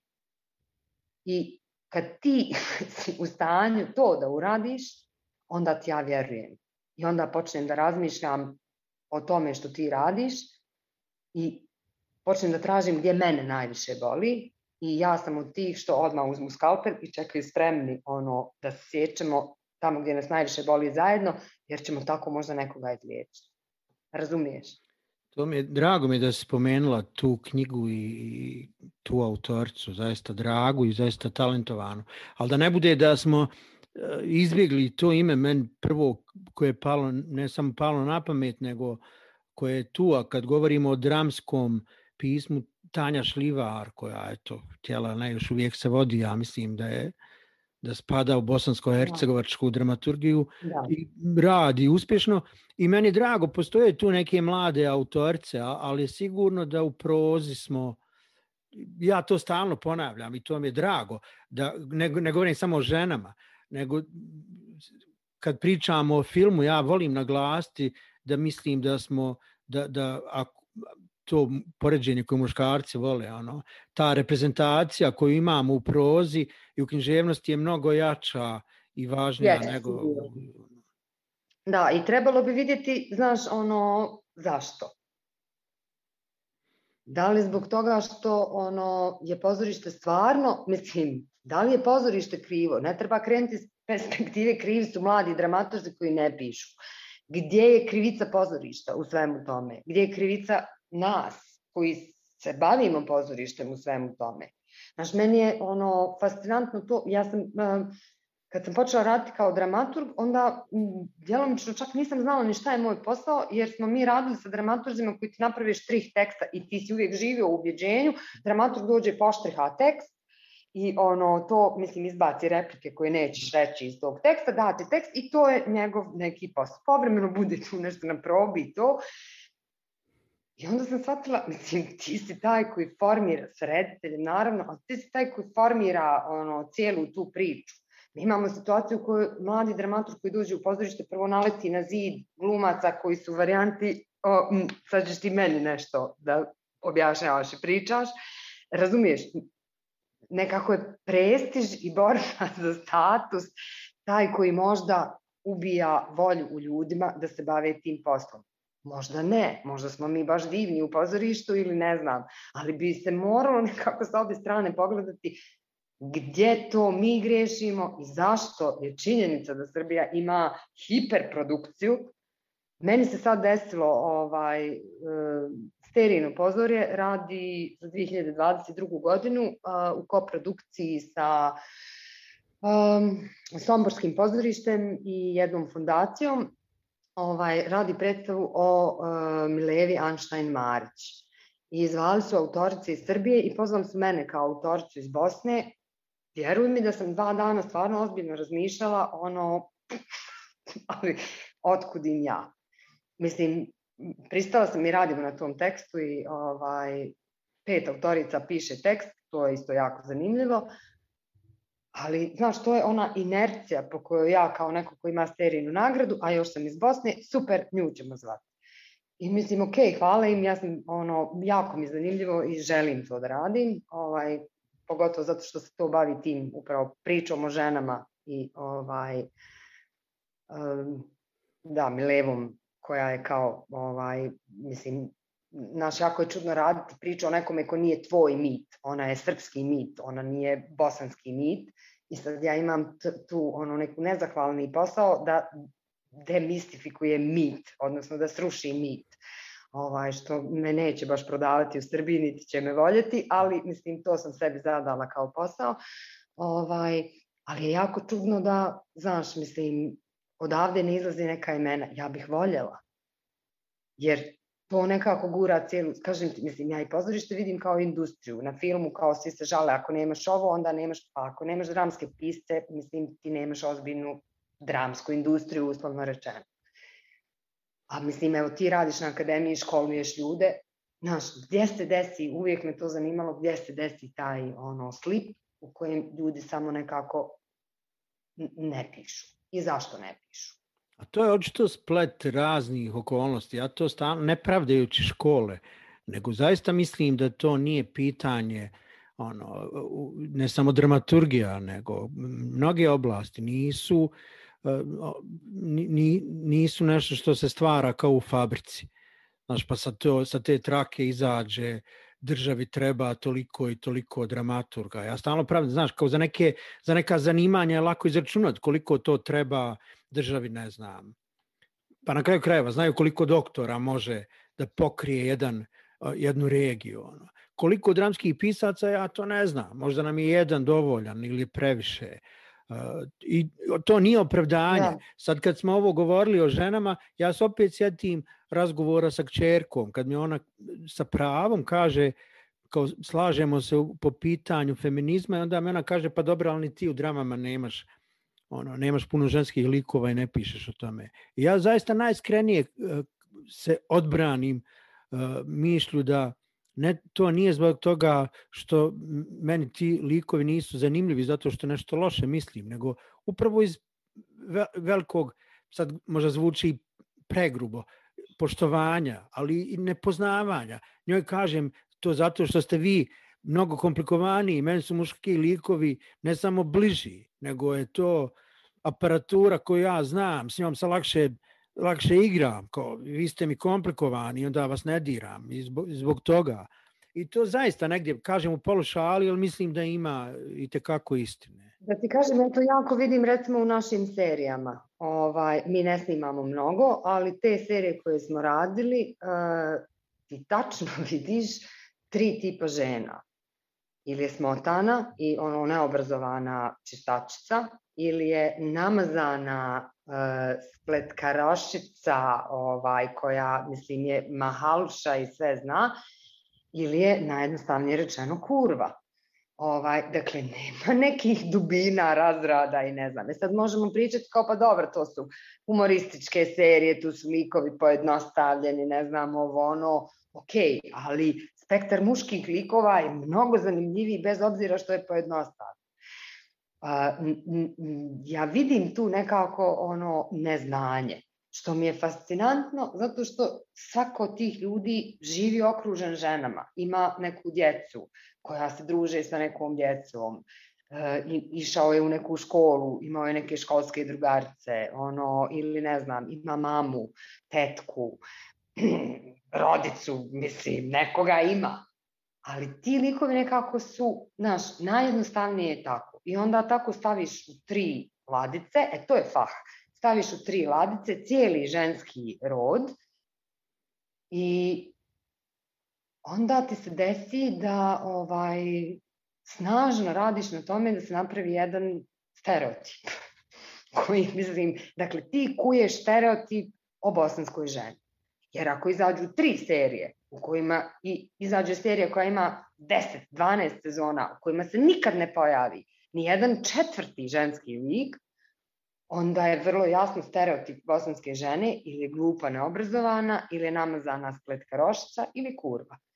I to je to. Toliko. Ali sad se sjetio sve ova priča o ženama i sjetim se da sam negdje pročitao jedan od, pa moram biti iskren, neki blesavi tekst, što je najtužnije, pisala ga je žena, a, a, koja se krila iz ove priče o, o shvatanju ženskih prava, feminizma, I znam da je u tom tekstu stavila, pomenula neke žene kojima se ona, pretpostavlja mlada novinarka divi, ali na neki čudan, volšeban način spojila u, u istu rečenicu.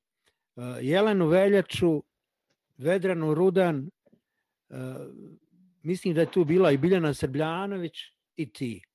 I mo, moguće da je bilo sad još nekih žena koje sam ja zaboravio, ove va, vas, vas sam zapamtio, pogotovo vas iz, iz, iz koji se bavite pozorištem i filmom, pa me je zanimalo ono, kako ti doživljavaš kad te stavljaju u to društvo, koliko vidiš sličnosti, to jest razlike, da li, se, da li, svi, da li sve spadate u tu grupu jakih, ne znam, glasnih, ili na kraju krajeva da li imaš pravo da te neke od tih žena, ne samo da se ne slažeš, nego da te i nerviraju, da E, znaš šta, mi spadamo u grupu sve su to vještice i to je ono naj, mislim ja nemam ništa protiv da budem u grupi sve su to vještice, čak me to vrlo i zabavlja. ne smeta me apsolutno zato što evo prateći evo ove četiri žene koje si rekao, mi smo možda svjetovima udaljene jedne od drugih kada je u pitanju karakter ili neka manifestacija borbe za ženska prava, ali mislim da, da da, je, da smo sve dovoljno glasne i e, dovoljno glasne oko pravih stvari da bi mogli biti svrstane pod neki zajednički nazivnik. Apsolutno me ne smeta. Mene jako boli onaj moment u kojem, ne boli me zbog ne boli me zbog toga što kao to je tako pogrešno i ne znam, nego boli me zato što to govori o našoj generalnoj neosviještenosti. Uvijek me najviše boli i najviše me smeta kad žena za sebe kaže ja nisam feministkinja.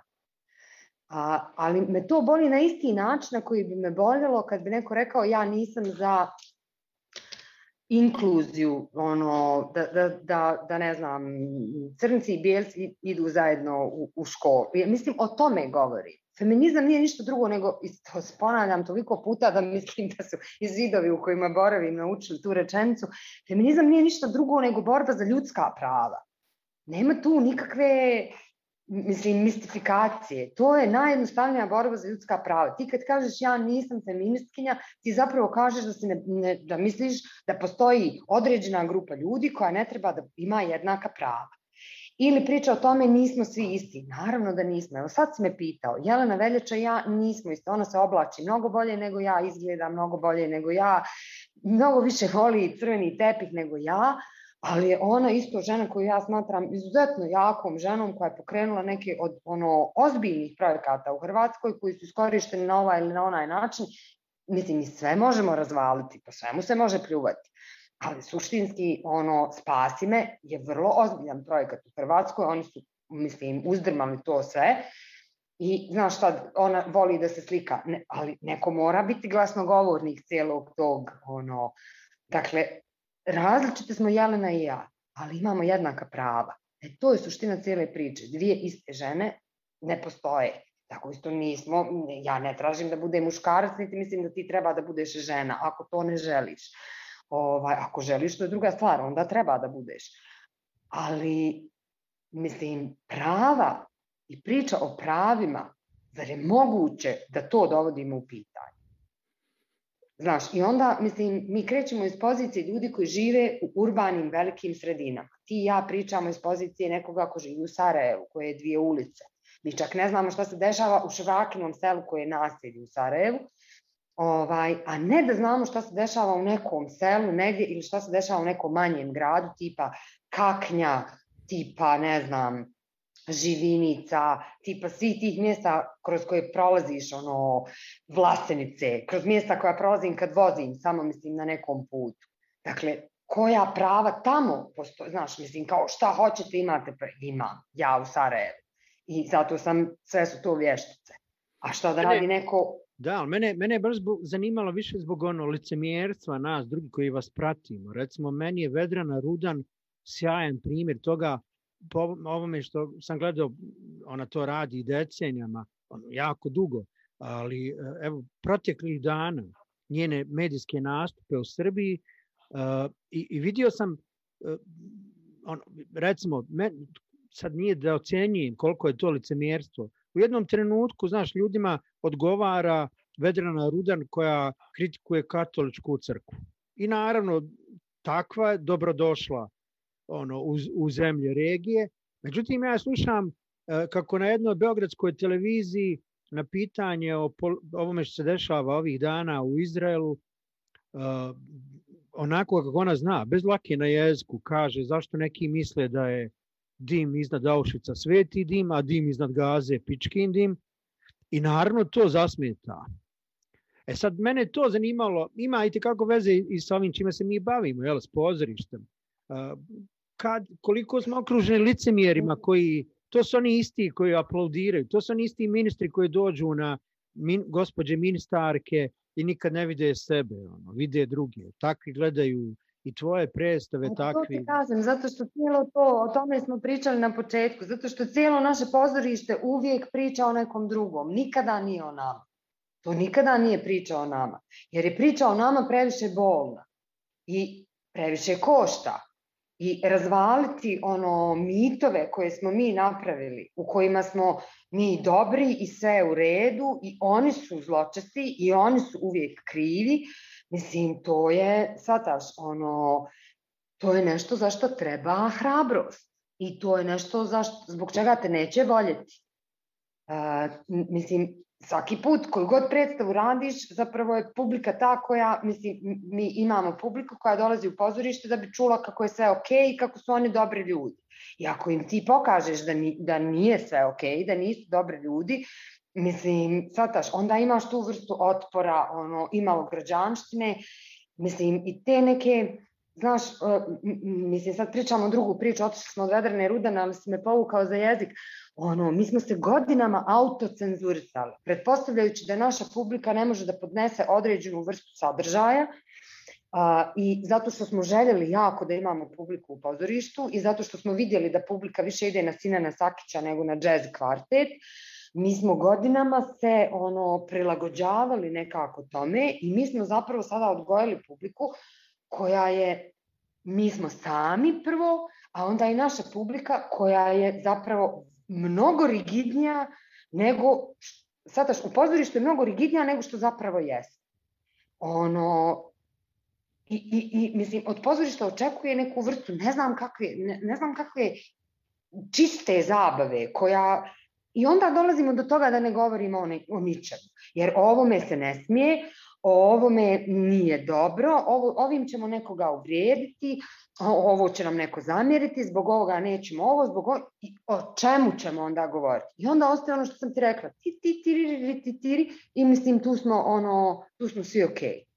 Ali onda nemamo pozorište. Mislim, barem ne, mislim, ako nema alternative tom tititiri, onda, onda smo stvarno u problemu.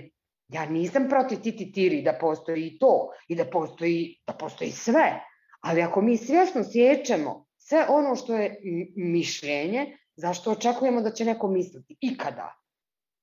Ako ti ubijaš u djetetu svaki poriv da razmišlja i da sam dolazi do bilo kakvih odgovora, onda ne možeš očekivati misleće djete. Mislim, to je prosto tako. I, i, I to je strašno. Ti kažeš, mislim, ministri koji dolaze u pozorište. Ministri ne dolaze u pozorište. Mi imamo cijeli, ono, mi, mi kad pričamo o publici, pričamo kao o ljudima koji imaju 25 godina i ne idu u pozorište. I ne znam, i to nam je strašno. Nije mi strašno. Mislim, ne mora da ide u pozorište. Bilo bi lijepo, ali ono, okej. Okay. A zašto onda sataš imamo tu situaciju kao ti koji su kao politički vrh, koje mi smatramo koji su jako kao kulturni, ne znam ovo ono, to nisu ljudi koji idu u pozorište. To, to mislim, To prosto nije ta priča. To nije njihova priča. Oni idu u pozorište po službenoj dužnosti kada se baš, i tačno znam predstavu na kojoj sam zadnji put vidjela ministre i tačno je to bio politički statement, a ne ono, jer se radilo o kontroverznom autoru, nije se radilo o ljubavi prema pozorištu. Dakle, mi na svakom, na, u svakom momentu imaš tu vrstu licemjerja prema kulturi. A sad što se tiče ovoga, znaš, lijepo je kad mi sa scene govorimo stvari koje vi želite da čujete. Ali to nije naš posao. Mislim, stvarno.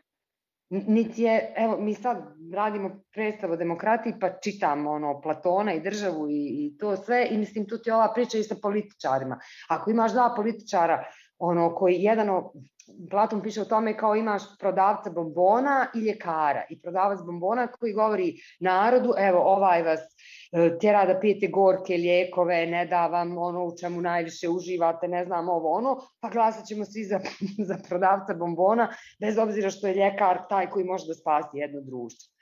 Ja ne mogu da zamislim ono poziciju da pozorište bude to koje će vam govoriti samo ono što želite da čujete. Ponekad je nužno da čujete i ono što ne želite. Ali onda mi imamo problem. Svataš, onda imaš, mislim, realno, mi nismo imali, barem u mom pozorištu, nismo imali situaciju u kojoj je neko došao i skinuo predstavu. Ali smo imali situacije u kojima nismo radili predstave, odnosno nismo radili ono što smo znali da bi moglo dovesti do toga da se predstava skine. Dakle, mi smo gori nego bilo koja vrsta cenzure. Znaš, i u isto vrijeme svi hvalimo, evo, upravo to da neko dođe i da kaže dim iznad Auschwitza i ono, dim iznad Gaze, ali mi sami smo ono, jedan od tih dimova, ali ne iznad Auschwitza. Razumiješ? Žao, evo kad spomenula političare koji dođu u pozorište i to bude statement, a ne dolazak u pozorište, podsjetilo me to kako se prije godinu, dvije, kad, kad je bila premijera snijega u Narodnom pozorištu. E, ma jasno mi, nego sjetio sam se gradonačelnika prošlog koji ne dođe i time da jel, statement. Uh, Ali pa bilo je vrlo jasno, mislim u cijeloj toj situaciji bilo je vrlo jasno koga nećeš vidjeti u pozorištu. Ne zato što ga inače vidiš. Znaš, mislim, Uh, ne, evo, znači, da, izvini, zna, zašto ja govorim o nečem kad te bude stid kao građan, znaš, ne, ne govorim više o pozorištu. Meni je to naravno, bilo stid kao, naravno. kao što dijete osti stid kad dođu u gosti, a tata je, ne znam, tata je sa pocijepanim čarapama. Znaš, da, ta vrsta da, stida koja da. nije, ne treba uvijek pamet pokazati, nego...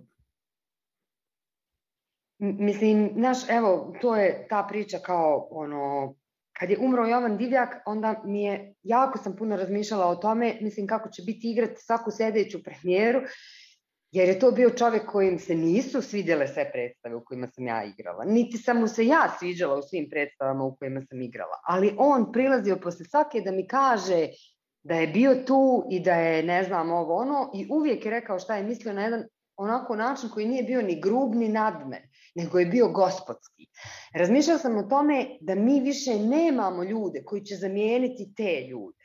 Ti ljudi odlaze, a mi za sve ove godine, za 30 godina, nismo napravili novog takvog čovjeka koji će posle premijere prići nekome u pozorištu i na takav način mu kao publika, on nije prilazio kao pozorišni kritičar, nego kao publika reći te neke stvari. Sataš, i ti tu vidiš, ja na tome vidim da sistem ne funkcioniše. Jer da sistem savršeno funkcioniše, bio bi barem jedan. Ako ih ne bi bilo i više. Ali jedan bi bio. Nažalost... A to da nema ni jednog, to ti samo pokazuje da je negdje kvar u cijelom da. tom sistemu, da se nešto dešava. Znaš, mislim, mm, mm, kad je počela pandemija pa nismo igrali, onda sam se šalila, ovaj, sad je kone, pa smo onda dobili dozvolu da igramo i to je, mislim, odnos prema, pre, prema svemu. Sad, ti imaš uredbu koja uređuje rad šiša barova u kantonu Sarajevo, ali nemaš uredbu u kojoj je jasno određeno kako radi pozorište u situaciji pandemije. Jer kao, mislim, ti imaš neku uredbu koju je očigledno pisao čovjek koji nikada nije bio u pozorištu, ili barem tako izgleda. Jer, mislim, Sataš ne bavi se stvarima koje su važne suštinski za neku bezbjednu situaciju igrane predstava na sceni.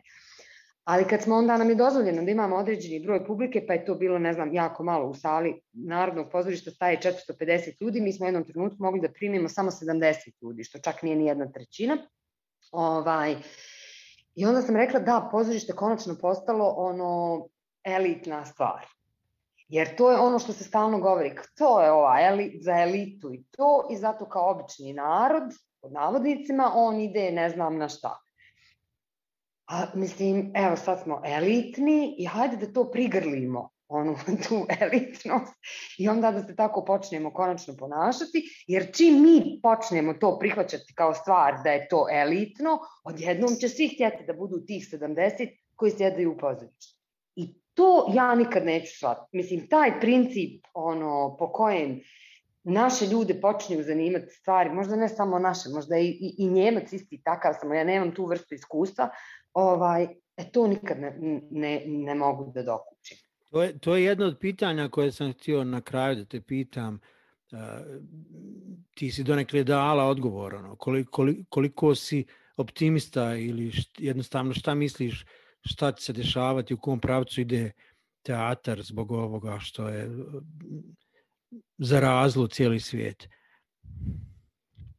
Mm, nisam sigurna da ono naš, mislim, u životu razmišljam o tome, nisam sigurna da stvari ikad više mogu biti iste, jer je to ono iskustvo koje ja nosim, uh, u ratu sam imala tu iluziju da je kao pritisnuta neka pauza u mom životu, ono kao na onom kaset, kasetofonu, ono što smo ti i ja, sluša ove generacije nemaju pojma, pa kao pritisneš pauzu i onda se traka zaustavi i onda ti odeš nešto obaviš onda otpustiš pauzu i traka se nastavi.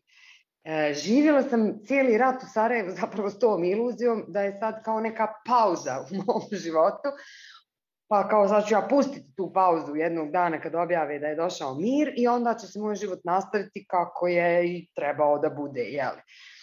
Četiri godine, od 16. do 20. sam bila u ratu, znači odjednom sam bila četiri godine starija, odjednom više nije bilo šanse da budem babysitterka u Americi, da završim četvrti razred u Londonu ili da idem da ono budem stewardesa ili ne znam ni ja šta. Odjednom sam imala 20 godina, odjednom je to sve kao se dogodilo, odjednom, razumiješ, mislim, sam shvatila da pauza nikad nije pritisnuta, da je meni četiri godine života prošlo. Tako kako, ali nema povratka na staro.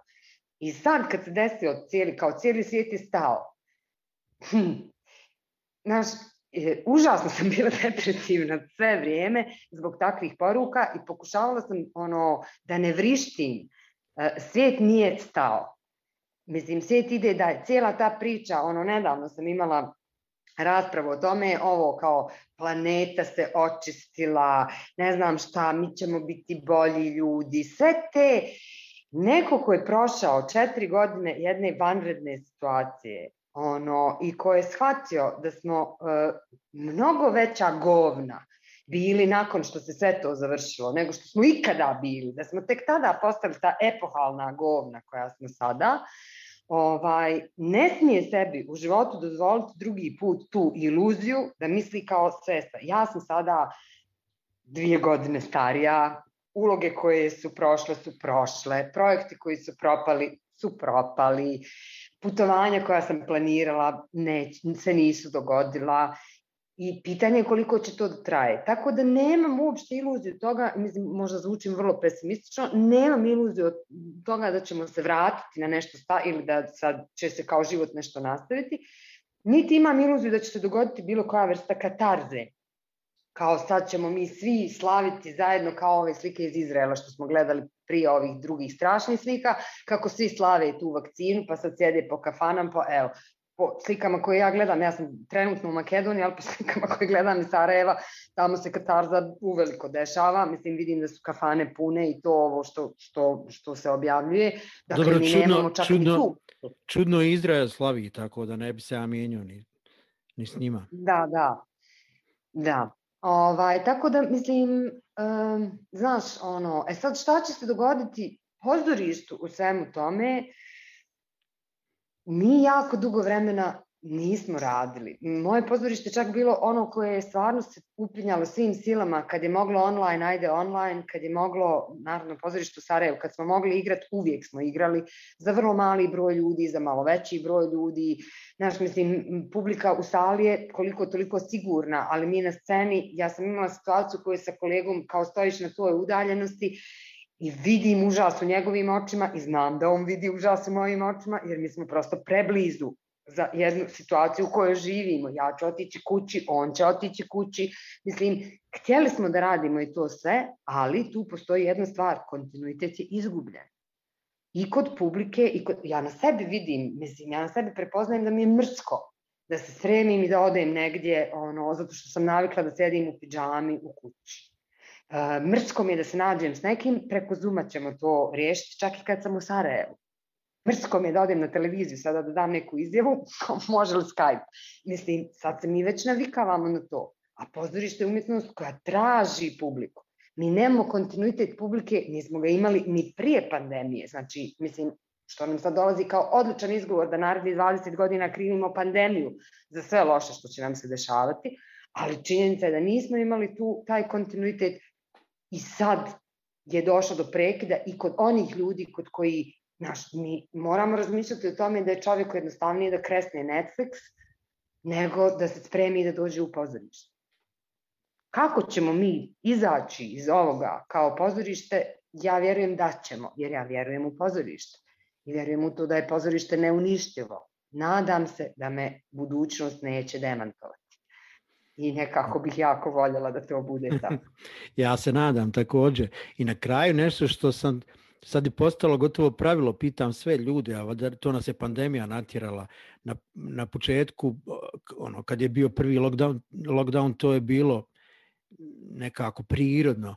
E, ispitivali smo jedni druge šta čitamo, šta gledamo. I sad je meni postalo gotovo obavezno u svakoj, svakom podcastu sa ono, prijateljima, pitam ih šta je to što sada čita, ali zbog ove utjehe, zbog umirivanja, ne zbog odnosa prema umjetnosti ili potrebe, ne znam za koje druge vrste, nego čime se to umiruju, šta čitaju, šta gledaju, šta slušaju u ovo doba pandemije. Na, naravno, u, u tvom slučaju, ne misli kad se spremaš za predstavu ovo, ne Aristotel i Platon me ne zanimaju. To niko ne čita. Ovaj, ja ti moram reći da na početku pandemije ja nisam, mada sam odmah uplatila sve, Netflix, HBO Go i sve te ovaj, stvari, odmah da zapravo nisam gledala ništa, nisam apsolutno čitala, niti sam im, imala potrebu za, za, za, bilo kakvim, za bilo kakvim zvukovima, tipa muzika i nešto to.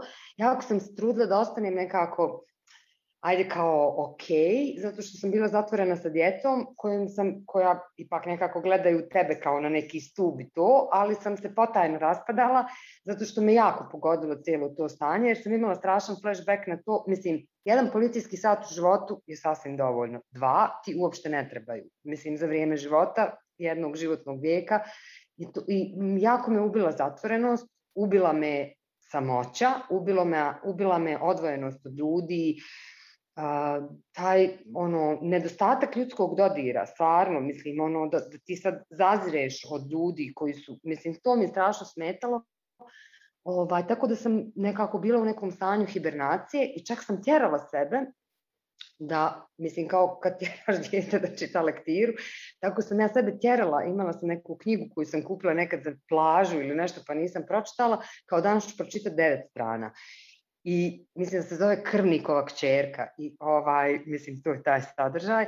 Ja jako volim trilere inače ovaj, i mnogo čitam, čak i kad radim najgore ono, neke stvari, kad mi je mozak potreban da bi mislila o stvarima koje radim, onda uvijek uzmem neki jeftini triler ovaj, ili ne znam, malo skuplji triler, malo bolji, koji kao me drži, ono, kao neka vrsta ono, četkanja mozga, ne znam kako bi to rekla, ispiranja, samo da, da se oslobodiš svega toga. Ovaj, tako da sam tjerala sebe i sad, pošto radim to što radim, danas sam, pošto imam Kindle koji jako volim i koji je zapravo velika opasnost, jer ovaj, ti knjigu kupiš jednim klikom i ja sam manijak kupovine knjiga. Ovaj, ovako sam se ipak morala spremiti pa otići pa fizički to se ovaj, sad jutro sam ovaj kupila dvije knjige. Thriller su u, u pitanju. Me, a, mislim da se zove, evo vidiš, ne znam ni kako se zove. Uh, mislim da se zove, čekaj pogledat ću kako se zove. Čekaj, pogledat ću, pošto sam čitala dok se, ovaj, ajde, ovaj, um, Zove se And Then She Was Gone. Poznat. I to trenutno čitam. Ovaj, hm? Poznat mi je naslov. Ne, mogu se... A, danas sam kupila još neku knjigu, mislim da ne znam kako ta, baš ne znam kako se zove, sad neću to da otvaram. A, I to mi je danas bilo, pošto smo kao planirali da radimo m, predveče, onda mi je danas bilo cijeli dan mi je bio thriller. Mislim da sam skoro pročitala knjigu ovaj, i to mi je ta, to volim da radim. Inače, ovaj, kad čujem za neku dobru knjigu, uh, ja to onda kupim i nosim na more, jer samo tamo imam mozak na raspolaganju sve vrijeme, pa onda mogu da se udubim u nešto. A ovo kad nešto radiš, pa stalno ulaziš izlaziš, počneš da čitaš, pa onda pomisliš na neku scenu ili na neku dobru rečenicu koja ti treba i to, mislim onda ne možeš tome da se posvetiš. Odgledala sam ovu, koliko epizoda je izašlo uh, sluškinjine priče i sad to već ulazi u domen, no, domen naučne fantastike po odnosima koji se dešavaju unutar svega toga. Sad više ne možeš da vjeruješ da je neko nije ubio već konačno i zapravo sam uhvatila sebe kako navijam, pa daj ubite, stvarno. Mislim, previše, previše stvari uradila da bi jedno tako rigidno društvo na to ostalo imuno i da bi joj dalo još jednu šansu.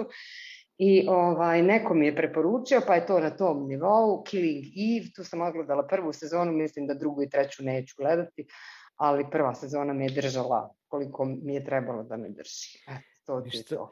Hvala ti na preporukama i od svega ovoga ja se nadam da ćemo svi, mene se odmah dirnula s tim, s tom slikom, zamiš, zamislio sam to čitanje na moru, to mi jako nedostaje i zaista vjerujem da su knjige pročitane na moru, neke od najdražih knjiga, kakve god bile. E, I svima nam želim što prije to. Da. E, tebi želim ono da taj posao oko predstave ide kako ste zamislili da ide, da to ja sam siguran da će, da će to biti dobro, da vam se živa zdrava vratiš u Sarajevo i da onaj da se mi vidimo, a i da nastaviš da radiš u teatru stvari sa koje, koje će te činiti sretnom i veselom i pogotovo da uživaš onome što će raditi tvoj čerka i sin.